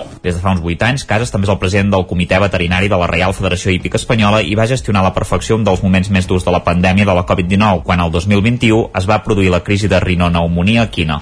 Gràcies, Isaac. Acabem aquí aquest repàs informatiu que començàvem a les 10 i un parell de minuts en companyia d'Isaac Muntades, Enric Rubio, Roger Rams i Sergi Vives. És moment al territori 17 de parlar del temps un altre cop.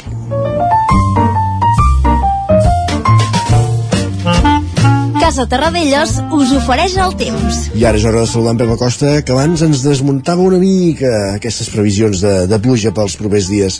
Pep, benvingut de nou. Molt bon dia les temperatures avui no pujaran, quedaran eh, bastant frenades, a part de, de que encara tenim molt aire fred i a part de que el cel estarà una mica ennubulat, les temperatures màximes els costarà molt eh, passar dels 7, 8, 9, 10 graus a tot estirar, eh? per tant les temperatures eh, molt baixes durant tot el dia d'avui, farà fred, abrigueu-vos, però en principi no hi haurà precipitacions. Serà un dia, com deia, força tranquil, amb algunes bandes de núvols alts, que mica en mica es aniran fent més espessos i de cara a aquesta tarda ja poden deixar el cel bastant, bastant tapat, però de moment encara sense precipitacions.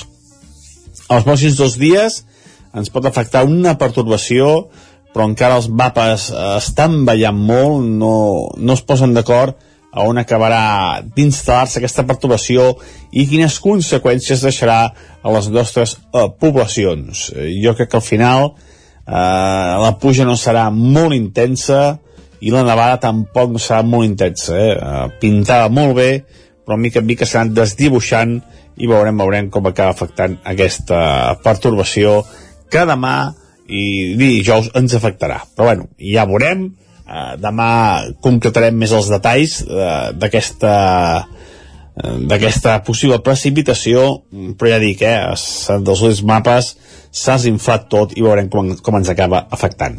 El que vull estar clar és això, eh? eh molt de fred, eh, mica mica més núvols, eh, sense precipitacions, i un dia de cru hivern, d'hivern-hivern. Moltes gràcies, fins demà, adeu. Fins demà, Pep, moltíssimes gràcies. Casa Tarradellas us ha ofert aquest espai. Un quart d'onze del matí.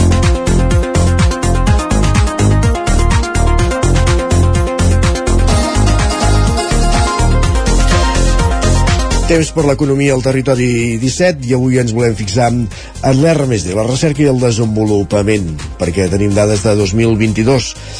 Joan Carles Arredondo, benvingut, bon dia i bon any. Bon dia i bon any, sí. Uh, parlem del 2022 perquè és de quan hi ha dades, eh? No, no, Està clar. Ara, quan, quan hi ha aquests canvis d'any, mai saps mai, mai, mai saps com concretar de què, a què referint no?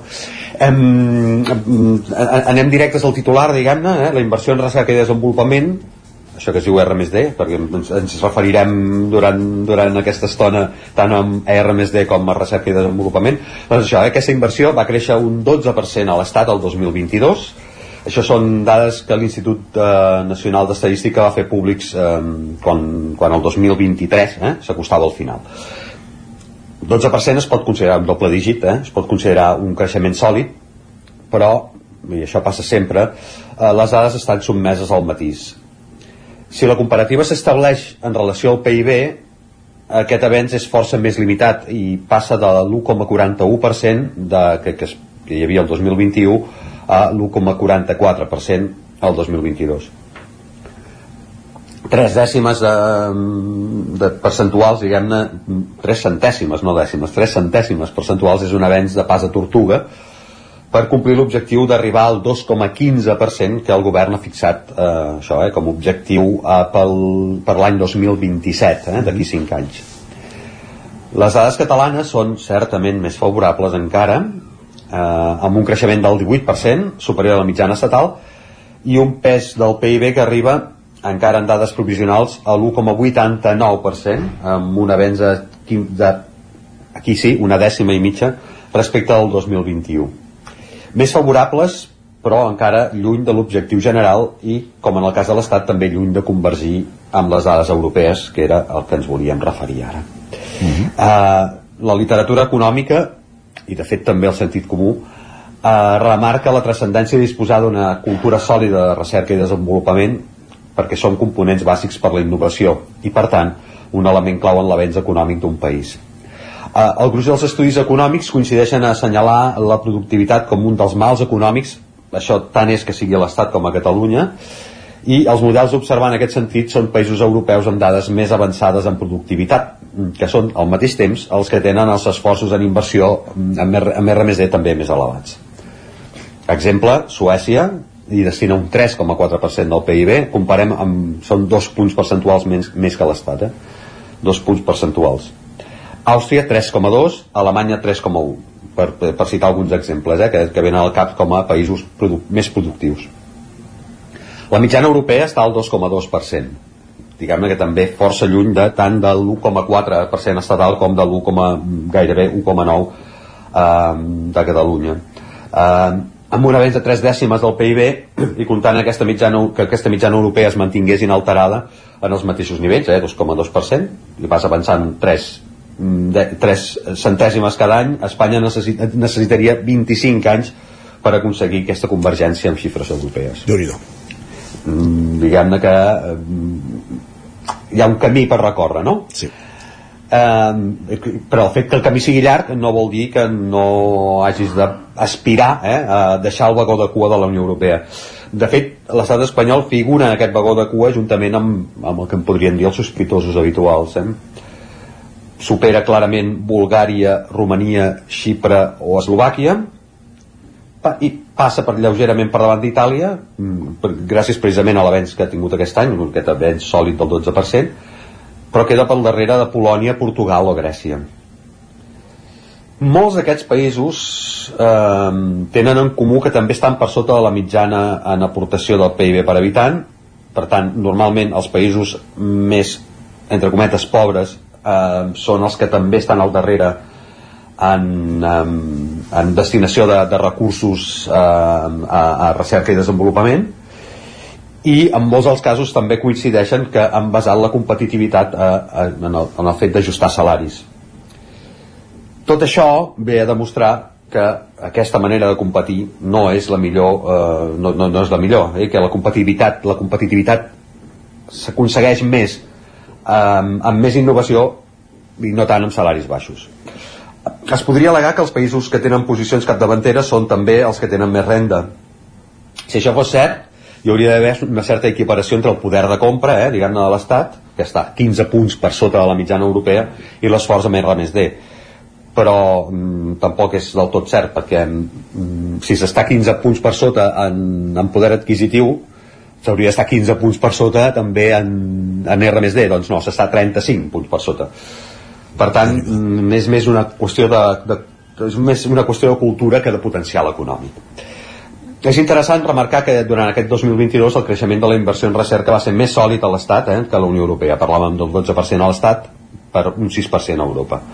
És un avenç, mm, i un altre cop venen els matisos, que és consistent amb l'evolució prèvia. Eh? Fins a l'esclat de la crisi financera del 2008, l'estat espanyol avançava cap a una convergència i va passar, eh, però llavors va venir la gran recessió i el tema de, de la recerca va quedar com no, no, no va quedar com una prioritat no? es va passar de l'1,35% del PIB destinat al, al 2008 a un 1,19 al 2016 tot i créixer en els anys posteriors ho feia amb menor intensitat que la mitjana i la bretxa s'engrandia però clar, havia arribat un moment en el qual valia, Europa venia molt amunt i, i l'estat espanyol venia de molt, de, de molt avall. En algun moment s'hauria de produir diguem-ne aquesta, aquesta aproximació no? La problemàtica encara s'intensifica si les dades espanyoles es posen en relació amb la OCDE, eh, on hi ha països que superen els millors registres europeus, eh, és el cas d'Israel o Corea, per citar alguns exemples. Aquesta és una situació que contrasta amb les importantíssimes aportacions, eh, a més a més, eh, eh, dels fons Next Generation. En part aquests fons es destinen a tasques de recerca i desenvolupament. Um, les dades que hem consultat formen part d'un informe de, de, de l'entitat especialitzada en innovació Cotec i no quantifica exactament quina repercussió han tingut aquests fons en, en, en, el, en, diguem en el, en el, en l'avenç eh, que hi ha hagut d'esforços de, de, en, en R+D. Però sí que assenyala que en aquest mateix informe que el suport europeu ha estat essencial en aquest creixement que qualifica d'excepcional registrat el 2022 i també alerta eh, que aquests fons europeus no seran eterns i que per tant serien necessàries altres aportacions similars d'hàbitat estatal per mantenir aquesta bona evolució. Tot i el creixement d'aquest l'últim any, per arribar al 2,12% d'objectiu per al 2027, no valdria ni tan sols aquest 12% que es considera excepcional que es va registrar el 2022. Eh, caldria un 13% sostingut eh, durant 5 anys per arribar als 17.000 milions d'euros addicionals necessaris per arribar a aquest 2,12%. déu nhi Cal pensar que el que es el, el, el que es va destinar el 2022 en el conjunt de l'economia, això, sector públic, sector universitari, sector empresarial, va ser de 19.000 milions d'euros. Eh? per tant, per arribar al desig del govern del 2027, gairebé s'hauria de doblar eh, aquesta, aquesta inversió i, i s'hauria de doblar una inversió en un any de rècord és és difícil, mm, que sigui difícil no vol dir que sigui impossible. També és cert. De, davant de la dificultat de les previsions governamentals, que, que, que bueno, és difícil, eh? i per tant és com- complicat doncs, que aquestes previsions es materialitzin, és millor eh, avançar per assentar una cultura que destaqui els valors de la innovació. Eh, ara, ara ens posarem una mica aquí eh, com filosòfics, no? Més enllà de ser un motor de garantir més competitivitat per les empreses, la inversió en innovació també és important per al conjunt de l'economia perquè permet generar més ocupació qualificada, un, un, un dels mals de l'economia estatal, avançar en el progrés tecnològic en el qual és imprescindible no perdre el tren i sobretot ara que venen en, en aspectes com la intel·ligència artificial en el qual s'haurà d'estar atent i s'acaba sent més competitiu per atraure inversions. Eh? Per tant, eh, per, per això és tan important que hi hagi una cultura competitiva.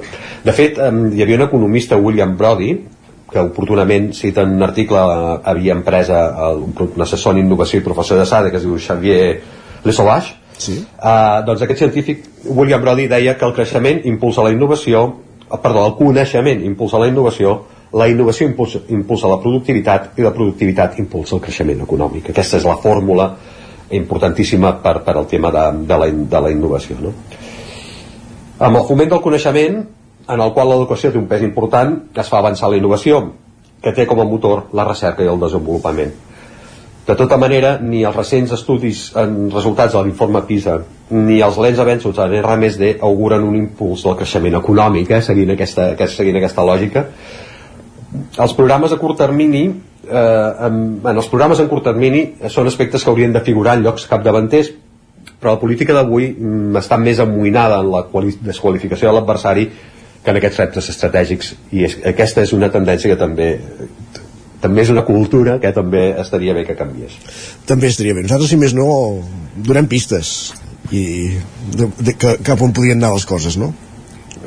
Sí, sí, això també des de, de, de, des de darrere l'ordinador i, anal- i amb algunes anàlisis ho pots veure, de tota manera també has de, has de convèncer el sector empresarial que, de la conveniència d'innovar, d'invertir eh, s'ha de fomentar la cultura. A vegades exigim als governs coses que no són precisament fàcils però de tota manera estaria bé eh, que, que es deixessin de tant, de tant regat en, curt i comencessin a mirar, a mirar passes en profunditat, eh, diguem-ne. Estaria clar, està clar.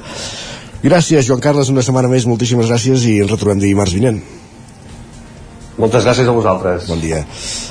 Doncs hem parlat de recerca i de desenvolupament amb en Joan Carles Arredondo, eh, posant dades sobre la taula, s'avança però no al ritme que, que es voldria i que caldria segurament, i ja està bé posar doncs, el focus en aquesta situació de la recerca i desenvolupament a l'estat espanyol i a Catalunya. Nosaltres ara tot seguit el que fem és una petita pausa, però tornem de seguida, ja ens espera en Guillem Sánchez amb les piolades del matí, amb el més destacat que ha trobat a X, abans Twitter, i després el racó de pensar, el podcast de la Maria López, avui parlant de microracismes.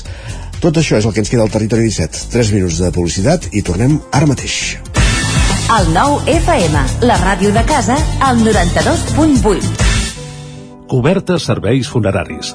Els nostres tanatoris estan ubicats en els nuclis urbans més poblats de la comarca d'Osona per oferir un millor servei. Tanatori de Vic, Tanatori de Manlleu, Tanatori de Centelles i Tanatori de Roda de Ter. Sabem que són moments difícils i per això el nostre compromís és atendre-us en tot moment amb un tracte humà, sensible i respectuós. Cobertes serveis funeraris. Telèfon 24 hores 93 883 23 46. Cada dimarts a les 11 de la nit, al 9 FM, repàs de l'actualitat esportiva a la banqueta. Ho han dit avui, el 9 FM? Ai, no ho he pas sentit. Tot té solució. Recupera programes, seccions i entrevistes del 9FM al 9fm.cat. Des de ben petit tindre un somni que és obrir un restaurant. Han sortit moltíssims llibres. Et demanen dades que, per altra banda, l'administració ja hauria de tenir. I ja no com a ramadera, sinó com a ciutadans. Nosaltres intentem que tothom pugui marxar amb un croissant. I trobaràs també tots els nostres podcasts. L'infopodcast del 9-9, cada matí a partir de dos quarts de vuit. I Comencem parlant d'un tema punyent. Persones que passen per moments de gran dolor. L'infopodcast del 9-9. La lupa d'Agustí Danés cada divendres. La lupa, Agustí Danés. Els aniversaris. Cada vegada vivim més anys i cada vegada hi ha menys naixements. La combinació d'aquestes dues evidències distorsiona la piràmide d'edat. Paraula d'enfruns, el nostre podcast de llengua cada dimecres. Quan escoltem ho fem voluntàriament i en canvi sentir, podem sentir moltes coses encara que nosaltres no ho vulguem. Bruixes del dia, el podcast de dones i bruixes de Laura Centelles i Maria Saladic. Estàs escoltant Bruixes del dia. La meva relació amb la mort és totalment diferent, perquè jo morts, diguéssim, físiques d'un cos, n'he vist crec que una a la meva vida. Feeling de 5, l'actualitat de casa nostra en anglès.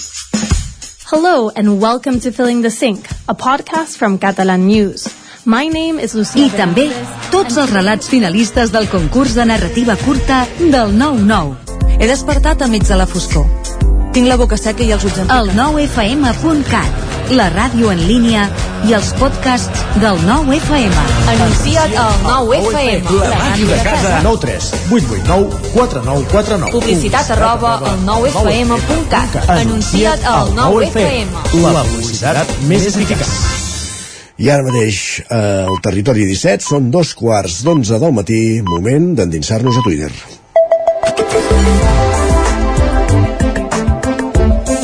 Guillem Sánchez, benvinguts, bon dia. Què tal, què tal, com estem? Bé, i tu? Doncs mira, encara amb l'estela de coses de, de Nadal i de Reis i de festes i de dubtes i de tortells i de torrons. Vaja. És que la gent costa, eh, tornar, tornar a engegar. Sí, home, sí. Encara agafem aquestes, aquestes rèmores i no les deixem anar. Per Sí, exemple, aquests, aquests dies de, de festes anaves fent, va, avui treballo, però vindran tres dies de festa. a un altre ritme, sí. Ja, ja, t'ho planteges no, ara, diferent. Ara, ostres, tinc de molt lluny el cap de setmana ara, eh? No, i fins a Setmana Santa encara queden uns quants, Exacte. uns quants dies. De fet, mira, comparteixo 100% el dubte que ens planteja l'Oriol avui al matí per xarxes. Ens diu, em pregunto si realment hi ha una sola família que faci pagar el tortell a qui li toca la fava el dia de Reis. Jo no es- el conec. Perquè es diu molt, però es fa poc, em sembla. Jo no el aquesta- De fet, en aquest debat hi podríem estar fins al final de la secció, però destacaré una de les El que sí que respostes. puc parlar de famílies que afegeixen més d'una fava al tortell. Això, Això em sembla de mala persona, ja t'ho dic ara, ja t'ho dic ara. Uh, destaco una resposta d'aquest comentari, la que fa aquest usuari, que diu el meu pare. Diu, el meu pare era molt rigorós amb aquest tema i fins i tot la mare, que cobrava una pensió no contributiva, l'havia de pagar. Per això ningú volia el tortell o s'esperava a veure si queia la fava el germà o la germana. La història es va acabar quan vaig decidir dir fins aquí. Fins aquí. S'ha de, de posar límits també a tot, eh? I hi ha gent amb molt poca empatia aquests dies, Isaac. Ja. Diu caixa d'un supermercat. Tinc davant a una persona, per no dir un altre nom, tossint a la cara de la caixera, òbviament sense mascareta i dient-li que creu que té febre. Diu absència total d'empatia i de neurones. Sens, sens dubte. Siguem conscients, siguem conscients. Sí, sí. Ostres, no costa res posar-se una mascareta o realment quedar-se a casa, no? Amb el maco que és que et facin la compra per internet i te la, i te la portin a, a casa. Va, el que no sé és com solucionarà tampoc aquest usuari el que li passa avui al matí. Ens escriu, tinc gana, fred i son. Soc com una nena petita ara mateix. Deixeu-me estar. Ostres, això a les 10 del matí no pot pas ser, no? Tot pot ser la vida. I de fet hi ha gent que ja li ha respost i li diu vine, et faig una tassa de brou de la mama, macarrons amb de tot, et deixo una batamanta i el sofà, al sol o al llit. Pots escollir, no et puc veure patir. Així m'agrada. Així m'agrada. Solidaritat. Gent, sí, gent solidària. Això sí que és empatia. I tant. Solucions de luxe, com també de luxe va passar la nit ahir l'Eric. Ens escrivia, diu, a les 10 de la nit, llibre nou per començar, llençols acabats de rentar, pijama acabat d'agafar del radiador amb la calefacció encesa i un got de llet amb colacao ben calentet a la tauleta. El descans s'assoleix sempre sense negociar-lo. Important agafar el, el pijama del radiador amb la calefacció encesa. Perquè si no, sí, perquè si no, malament. I parlant de llibres, atenció a la confessió que ens fa avui també en Jaume. Diu, fa temps vaig llegir que els llibres són com els embotits. Ai. Atenció. És millor no veure com els fan. Qualsevol persona ficada en el món de la carn picada o de la literatura us ho pot confirmar. I en Jordi afegeix una mica... com sempre, hi ha embotits i hi ha tant. llibres. I tant. Hi ha embotits i llibres. I en Jordi afegeix i diu una vegada una editora em va dir que els correctors som com els ginecòlegs, perquè veiem moltes coses que després no podem explicar. Doncs va, algun dia que faci un llibre explicant-ho. Va, i un parell de comentaris per acabar la secció d'avui. Isaac, el primer, diu, per veure la pel·li de l'avió i la neu, atenció, sí. per veure la pel·li de l'avió i la neu, has d'estar com quan vas al supermercat. Diu, sense gana. Vols dir aquell remake de Viven que ha fet ara sí. en, en d'allò? Eh? Que, jo, que jo encara no he vist, eh? Jo tampoc. Uh, podrem comentar un dia, quedarem per, per anar-lo a veure. I una reflexió també d'en Pandi que avui al matí ens diu em fa gràcia quan descobreixo l'existència d'un grup de música quan diuen que es retiren. Zo, ara han set els últims. Ja arriba el punt que... Moltes cansa, notícies, cansa, moltes notícies cansa. i molts arguments i moltes coses. Gràcies, Guillem. Va, que vagi Demà. molt bé, Isaac. Adéu.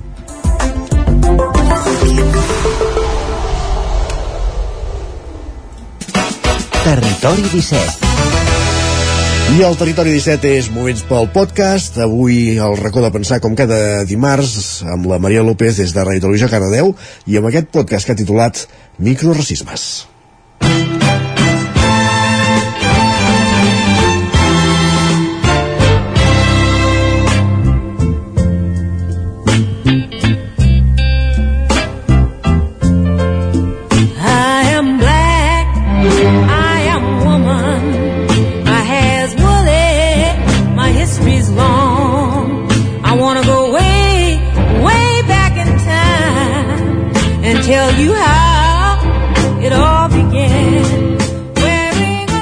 Soc negra, soc dona, sap greu però la meva història és llarga, vull tornar enrere en el temps i explicar-te com va començar.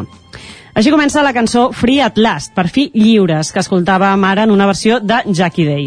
Es tracta d'un antic càntic religiós que parla del tan desitjat alliberament. Arriba directament des de l'era de l'esclavitud i es torna un càntic habitual a la música gospel. Aquest títol, aquest Free at Last, són també les paraules amb les que Martin Luther King va tancar el seu famós discurs I Have a Dream, que pronuncia el 28 d'agost de 1963 a les escalinates del monument a Lincoln de Washington davant de més de 250.000 persones. Aquell discurs, emmarcat en la marxa pels drets civils, ha passat a la història dels Estats Units com un dels millors mai pronunciats. Luther King va parlar del futur que ell volia, en què el poble dels Estats Units podria conviure conjuntament en germanor sense distinció de raça, credo o sexe. Tot i que en aquell moment Estats Units signava la llei de drets civils que va suposar un gran avenç en matèria legal per a les persones negres, la realitat és que la societat no ha avançat tant com s'hauria d'esperar. Encara pitjor, amb el racisme ha passat una cosa molt semblant a la que ha passat amb les dones o amb el col·lectiu LGTBIQ+. I és que aquesta equiparació de drets legals ha permès encara més perpetuar una discriminació social que queda fora de la regulació. Perquè gran part de la societat moderna, la que presumeix de ser inclusiva i igual per a totes les persones, està convençuda que fer lleis que equiparin els drets vol dir acabar amb la discriminació i automàticament es deixa d'actuar en pro d'aquestes persones. Feta la llei, feta la trampa, mai millor dit. Perquè en aquesta falsa intenció d'acabar amb les discriminacions, l'única cosa que fem és posar un xec a la llista de tasques de drets socials per resoldre. Que no vol dir que no sigui necessari, però no ens enganyem, és insuficient. I és insuficient perquè el racisme, que és el tema del que parlarem avui, segueix present per més lleis que s'hagin fet al llarg de la història. I fins i tot en les societats que presumim de ser modernes, el racisme resideix, igual que el masclisme, amagat en petites accions quotidianes, en frases, en comentaris, en percepcions. Aquests microracismes estan, viuen entre nosaltres i en nosaltres mateixos. Existeixen per més que ens costi veure'ls i, per desgràcia, perpetuen aquesta lacra que és l'odi a l'altre per una cosa tan natural com el color de la pell. Així que avui, a través de les zones, ens proposem detectar-los i posar-los sota el focus, perquè els microracismes mereixen ser assenyalats. Us parla la Maria López i això és El racó de pensar.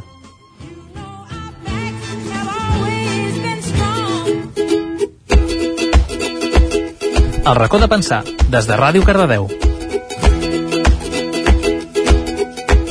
I per parlar de microracismes, avui ens acompanya d'una banda la Fàtima Diaby. Ella és estudiant de grau de Treball Social i fa un any dirigia en col·laboració amb Televisió de Cardedeu el documental I tu ets racista? Així, amb interrogant. Un projecte amb el que va analitzar en profunditat aquest racisme als països del primer món i on va fer diversos experiments socials amb infants a les escoles. Molt interessant i avui en podrem saber una miqueta més.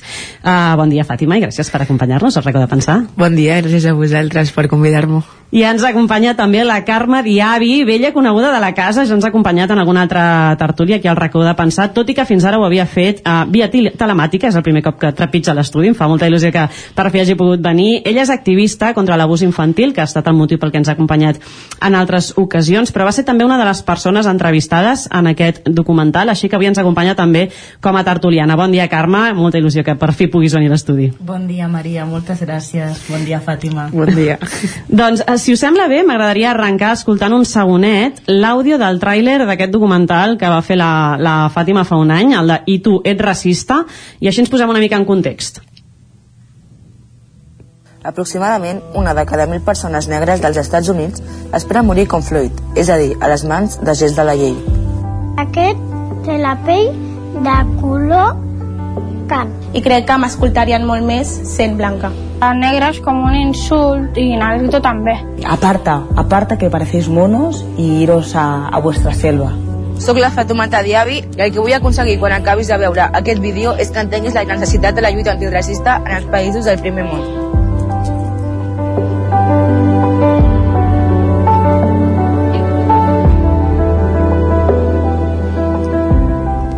Pell de gallina amb aquesta música i amb aquestes frases, Fatu, d'entrada el títol ja portava directament a la, a la reflexió perquè fas una pregunta adreçada directament a l'espectador.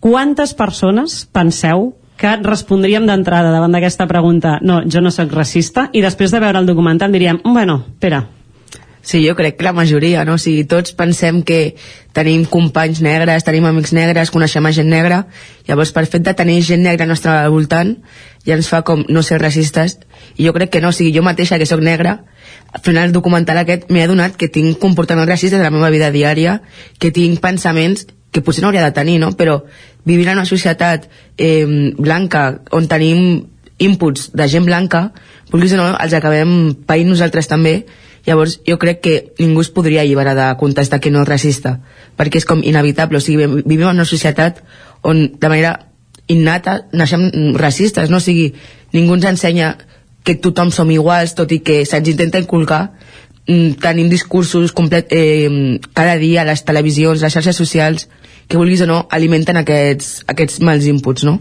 El, el problema és que estem convençuts que no. Hi ha una mica aquesta sensació de que si hi ha les lleis, amb el col·lectiu LGTBIQ+, ha passat molt similar, no? Allò, les, el, no, si tinc amigos gais, no? I sembla que això ja et fa automàticament eh, inclusiu en, en molts sentits. Eh, ens falta, així com s'ha fet, per exemple, en el feminisme, aquest gest de posar-se les ulleres liles que deien com per detectar els micromasclismes. Ens falta això amb el racisme? És que el problema del racisme és que la gent no se n'adona que és racista. O sigui, amb el masclisme tu veus i veus a la gent del teu voltant i veus com ho pateixen de manera directa.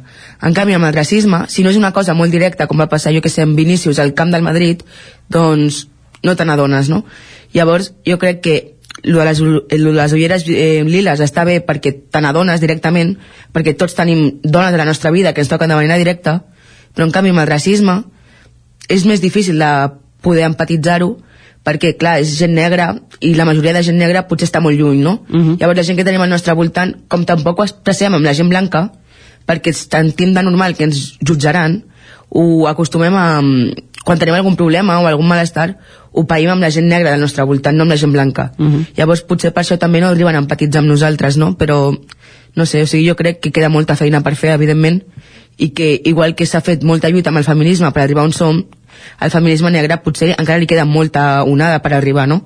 Llavors jo crec que és això que queda molt encara per fer. Tornant una mica... Digues, Carme, perdona.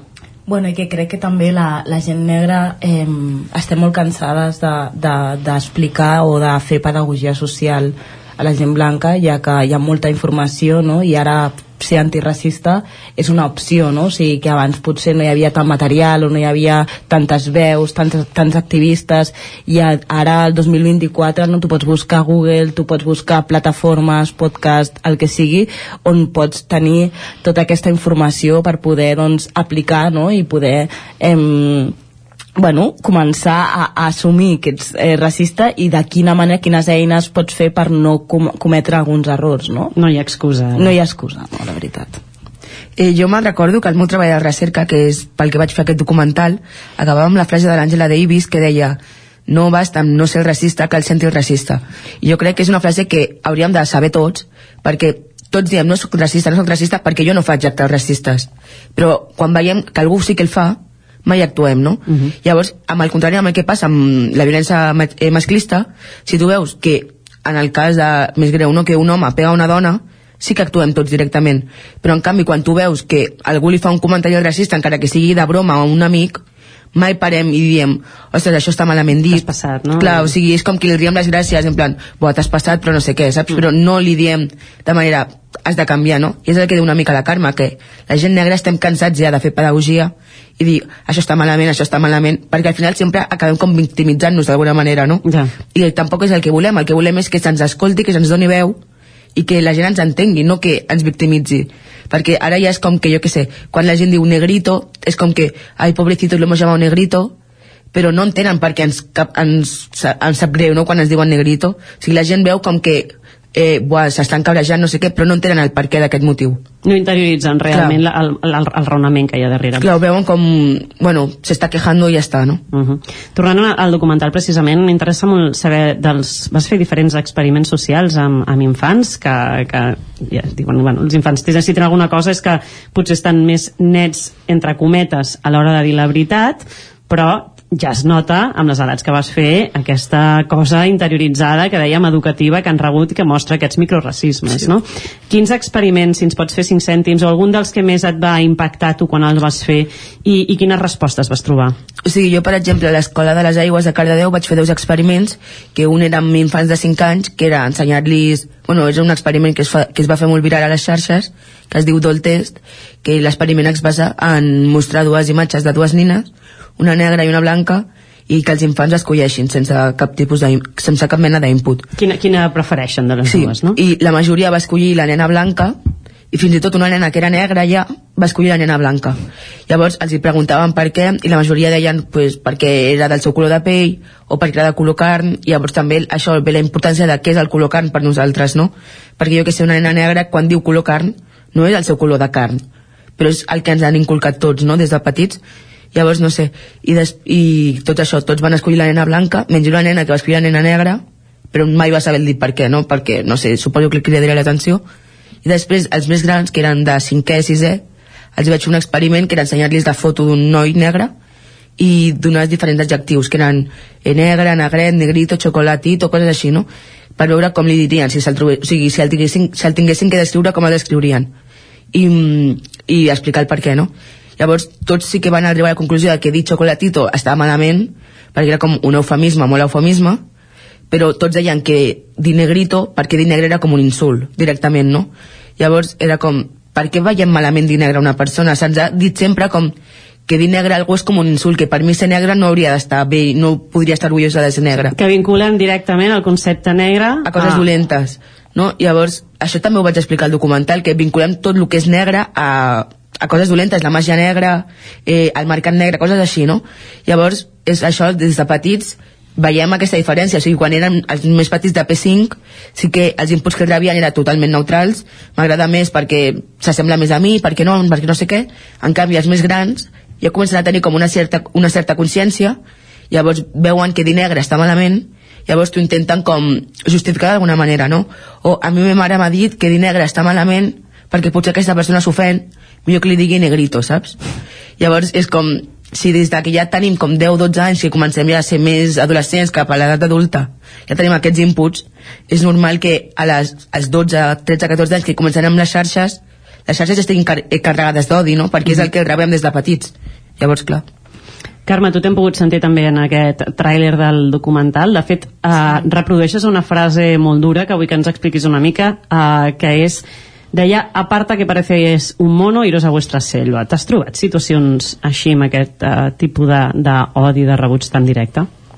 Doncs la veritat és que aquest, um, o sigui, aquest episodi que vaig patir ha sigut com el més greu, no? perquè va ser d'un avi que bueno, estàvem amb, estava amb una exparella, um, estàvem parlant i de cop i volta estàvem en un portal i va aparèixer aquest avi i, i va començar doncs, a insultar-nos a més és que sense cap mena de no o sigui, ens va mirar amb una cara d'odi i ens va començar a dir això, sou uns monos, sou uns monos, heu d'anar, hauríeu d'estar tots a la selva i clar, jo em vaig quedar me'n recordo de pedra perquè no vaig saber què respondre ni, ni per què hi havia aquest odi cap a, cap a mi, no? I cap a la meva exparella, no? Llavors, és allà que, que també jo crec que uh, l'antiracisme a mi personalment m'ha donat eines no? de com respondre o de què fer a l'hora de, de rebre aquests atacs no? i quins drets tinc jo per, per poder doncs, em, aplicar-los perquè abans quan jo era més petita o el que sigui Uh, um, jo a l'escola o, a, o al carrer, no? a més jo vaig ser la primera nena negra a la meva escola mm, imagineu-vos, no? en aquells moments no hi havia pràcticament gent racialitzada i, i clar, moltes vegades els meus pares rebien uh, bueno, els insultaven al carrer i ells el que havien de fer era callar, no diguis res i aquí no ha passat, sí, no? Com silenci, silenci, inclús mm, jo dir-los als meus pares, és que m'han dit això, no, no, no, tu calla't, calla't i aquí no hem vingut No a... fer soroll, no? No fer soroll, no? I això és algo que, que, que torno a dir, no? L'antiracisme m'ha donat de dir, vale, doncs tu tens dret a que si, ten, o sigui, si et passa una acció, o sigui, si algú eh, et diu un comentari racista, eh, t'agradeix o el que sigui, eh, pots anar, per exemple, a Surracisme, no? que he estat treballant allà no? i és un equip molt, molt professional on poder denunciar no? I, um, qualsevol acte que, que et passi, no? I crec uh -huh. que és superimportant. De fet, avui, ara, just, justament aquí, a la ràdio, venint cap aquí, és que m'ha passat. Què ha passat? Sí, jo venia i hi havia un grup d'adolescents, hi havia, tots eren blancs, menys un noi negre, i quan m'han vist passar, un noi blanc li ha dit a ell, mira, tu tia, tu tia. I tots s'han començat a riure, no? I llavors, eh, què passa? Que el noi m'ha mirat com dient, deixa'ls en pau, però associat de jo ser una dona negra que ja eren familiars, uh -huh. no? com que al final tots els negres som iguals, tots uh -huh. els negres som uns primos, no? i és com no, jo aquest noi no el conec de res i el que esteu fent tot el grup no? és demostrar que no? com, no sé, a mi m'ha semblat molt agressiu, no? i a més aquest noi amb qui anirà a refugiar-se? Són els seus companys de classe. Clar. No? I és com, has d'encaixar, has de... O sigui, com, com pots eh, queixar-te amb, amb gent que tu estàs convisquent cada dia mm. no? i això és algo que és molt complicat amb el tema del racisme Tu, Carme, a més a més, has, has- has fet i fas una labor increïble amb, amb tot el projecte que portes al voltant de contra de l'abús infantil, amb, amb conferències, amb xerrades, estàs fent una feinada increïble. Fins a quin punt eh, el fet de ser una dona negra portant aquesta bandera, que no és la, del, la de la lluita antiracista en el teu cas, sinó que és una altra molt diferent i molt important també, ha- d'alguna manera t'ha afectat més o t'han rebut d'una altra manera pel fet de ser negra? uh, anècdotes. Jo he arribat a, a, a fer anar a donar una xerrada un taller i, i dir-me que si jo era la noia de neteja. Directament. Que vincular directament que, que jo era la persona que anava allà a agafar les claus i que anava a netejar i jo no, no, jo soc la persona que ha fet la formació eh, o per exemple al principi de, de quan em contacten per fer xerrades o formacions eh, valid, o sigui, com intentar validar si jo sóc més professional, si tinc eines, si no, no? com certes preguntes que qüestionen la meva professionalitat i, i també moltes vegades gent que, que fent la xerrada al taller em, amb, amb, amb, bueno, em tracta no? com diferent, com que sé que si fos un altre tallerista em tractaria molt diferent no? Mhm. llavors mm, és una cosa que jo també penso que, que hi ha una altra part eh, positiva que és que dintre de les aules eh, quan, quan entres eh, la gent no està acostumada a veure una dona negra estant a una classe no? donant, donant classes no? mhm. llavors molts nens es queden al·lucinats que queden parats queden parats i llavors és uh, sense, sense voler-ho estic creant antiracisme perquè és com jo també mereixo estar en aquest, en aquest espai no? jo també mereixo parlar i mereixo eh, que altres persones puguin veure's referents perquè al final este, estem creant, creant referents no? Això t'anava a dir que estàs obrint d'alguna manera un altre tema que és el dels referents. O sigui, vosaltres com a nenes petites, ara aquest any s'ha parlat molt, per exemple, dels referents esportius femenins, no? Com quantes nenes que els agrada el futbol ara poden tenir referents i això t'ajuda a créixer. Vosaltres, quan éreu petites, trobàveu, d'alguna manera, us, us emmirallàveu amb algú o us costava trobar referents pel fet del color de la pell? O sigui, jo de petita no recordo com tenir referents, perquè clar, o sigui, jo vinc d'un poble on no no hi havia gent negra, no? Llavors, tampoc era com molt comú veure gent negra jo me'n recordo de petita jo que sé, el, ma mare és de Senegal per exemple, el meu pare és de Gàmbia llavors anar um, a batejos i tal, que va molta gent negra i anar a Banyoles, que Banyoles és un, joc, un lloc on hi ha bastanta gent negra, no? I el primer dia que vaig arribar allà és que em vaig com posar a plorar dient, és que hi ha mucho negro, saps? I era com, és que jo no havia vist a gent negra a part dels meus pares, i jo, o sigui, vinc d'un poble que és Llinars, i vaig anar a Banyoles, o sigui, que no és que vagi a un altre país, vaig anar a una ciutat que està, o sigui, relativament a prop, no? Sí. I va ser com, em vaig posar a plorar un muntó, volia tornar a casa, perquè, perquè tanto negro, no sé la única, i jo que sé, aquest any, per exemple, he anat de viatge a Senegal, jo sola, i ha sigut com retrobar-me amb mi mateixa, no? amb el meu de petita, veure que hi ha gent negra, que hi ha gent que estima els meus colors, poder-me sentir com molt orgullosa d'on vinc, no? I això ha fet com que em senti qui sóc, no? O sigui, per jo de petita sempre era com, no sé, ara recordo com que el meu únic com referent potser era la Lucrecia, Uh -huh. perquè ella tenia com les trenes de colors i jo, ma mare sempre m'ha fet trenes des de petita i a mi era algo que no m'agradava gens o sigui, si, fins fa com dos anys és com que he començat a acceptar el meu afro i tal i mai m'ha agra- agradat anar sense trenes però en canvi va ser com començar a veure la Lucrecia amb les seves trenes de colors jo acceptava portar trenes i eren com les seves, saps? llavors no sé, va ser com el meu primer referent però fins a fa com dos o tres anys no he seguit com molt la lluita antiracista tampoc tenia gaires, no? O sigui, perquè tu veus la tele i no veus a gent negra als espais que ens donen llavors clar, tampoc podem tenir gaires referents Uh -huh. I aquí volia afegir també no? com quin, o sigui, el ventall de referents i de que al final també a la gent negra moltes vegades se'ns associa que hem, de, que hem de parlar sempre de racisme no? i és com a, a qualsevol lloc on anem moltes vegades es parla de racisme es parla de racisme potser doncs és un atleta super top però ella que és una noia negra i ha de parlar hi ha, hi ha molt, molta gent que està dient jo eh, sí que sóc antiracista, antiracista però sóc moltes coses més no? Mhm. i crec que eh, és, bueno, de fet hi ha una lluita molt constant de, de gent negra dic, també se'ns ha de veure no? a, a, per exemple en el meu cas Això t'anava a dir, que exactament... Has estat en mo- molts mitjans de comunicació parlant d'un tema que en aquest cas no té res a veure amb el, amb el Mm, racisme. No, no, no, no, no, no. I per això no, que crec que, que és important doncs, doncs tenir-ho no, com present i, i que també ara parlant de, de referents eh, jo me'n recordo que a mi em regalaven nines blanques amb el cabell superllis i jo pensava, mare meva, però si eh, que aquesta nina, o sigui, jo em veia allà i dic, però si jo no sóc com ella No s'assembla. i llavors eh, li tallava, tallava els cabells i, i li deia a ma mare no em regalis això, no, no m'agrada no? Fins que un dia em va regalar la muñeca espagueti que és una, una, una nina que té com, com, com filets de, de, de plàstic i clar, amb aquesta nena, nina li podia fer trenes no? Ah.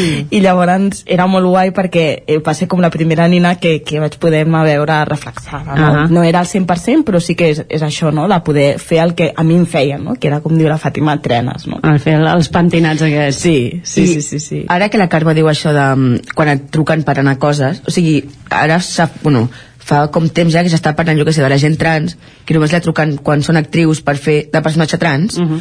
a la gent negra només la truquen per fer de personatge, de personatge negre o entrevistes per parlar sobre el racisme i tal, no? Llavors és com existim per altres coses, com diu la Carme, no? O sigui, o quan diem del sostre de, de vidre, Mhm. eh, truquen a una dona, vale, però és que mai truquen a una dona negra. Si truquen a una dona, en, en, cont- en canvi, en comptes d'un home, trucaran a una dona i una dona blanca, o sigui, mai truquen a una dona negra. Mhm. Llavors és com parlem d'ocupar espais, però és que dintre del propi, del propi feminisme no hi ha aquesta uh, igualtat no, que demanem. Llavors, clar, o sigui, jo crec que se'ns hauria de donar aquesta veu a les persones negres i no només per parlar de, mm, de coses de racisme, perquè o sigui, ja està bé que en el racisme se'ns parli la gent negra, perquè és com el més lògic, no?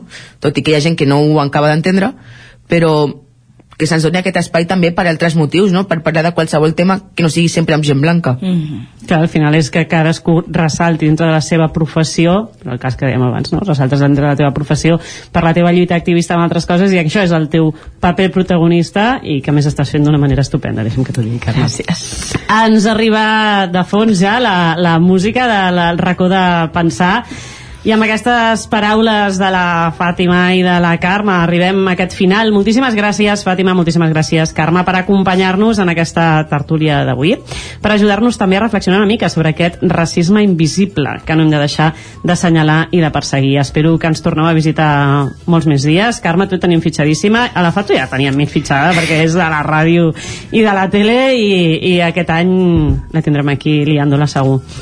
I a tots i a totes vosaltres que ens escolteu cada programa i cada cop en som més. Gràcies per acompanyar-nos una setmana més aquí al nostre raconet, al nostre debat setmanal, en aquesta estoneta d'autoanàlisi i de criticar-nos com a societat i com a persones, i que no pretén una altra cosa que millorar-nos a través de l'empatia. Gràcies per compartir aquesta estoneta amb nosaltres i us espero la setmana vinent en una nova tertúlia del racó de pensar. Fins a propera. Gràcies, Maria. Fins la setmana que ve, amb el racó de pensar, acabem una nova edició també del Territori 17. Us hem acompanyat des de les 9 al matí Miquel Giol, Isaac Muntades, Roger Rams, Enric Rubio, Pepa Costa, Joan Carles Arredondo, Guillem Sánchez, Maria López, Sergi Vives Isaac Moreno. I tornem demà a partir de les 9 del matí. Fins aleshores. Bon dimarts i gràcies per ser-hi. Adéu-siau.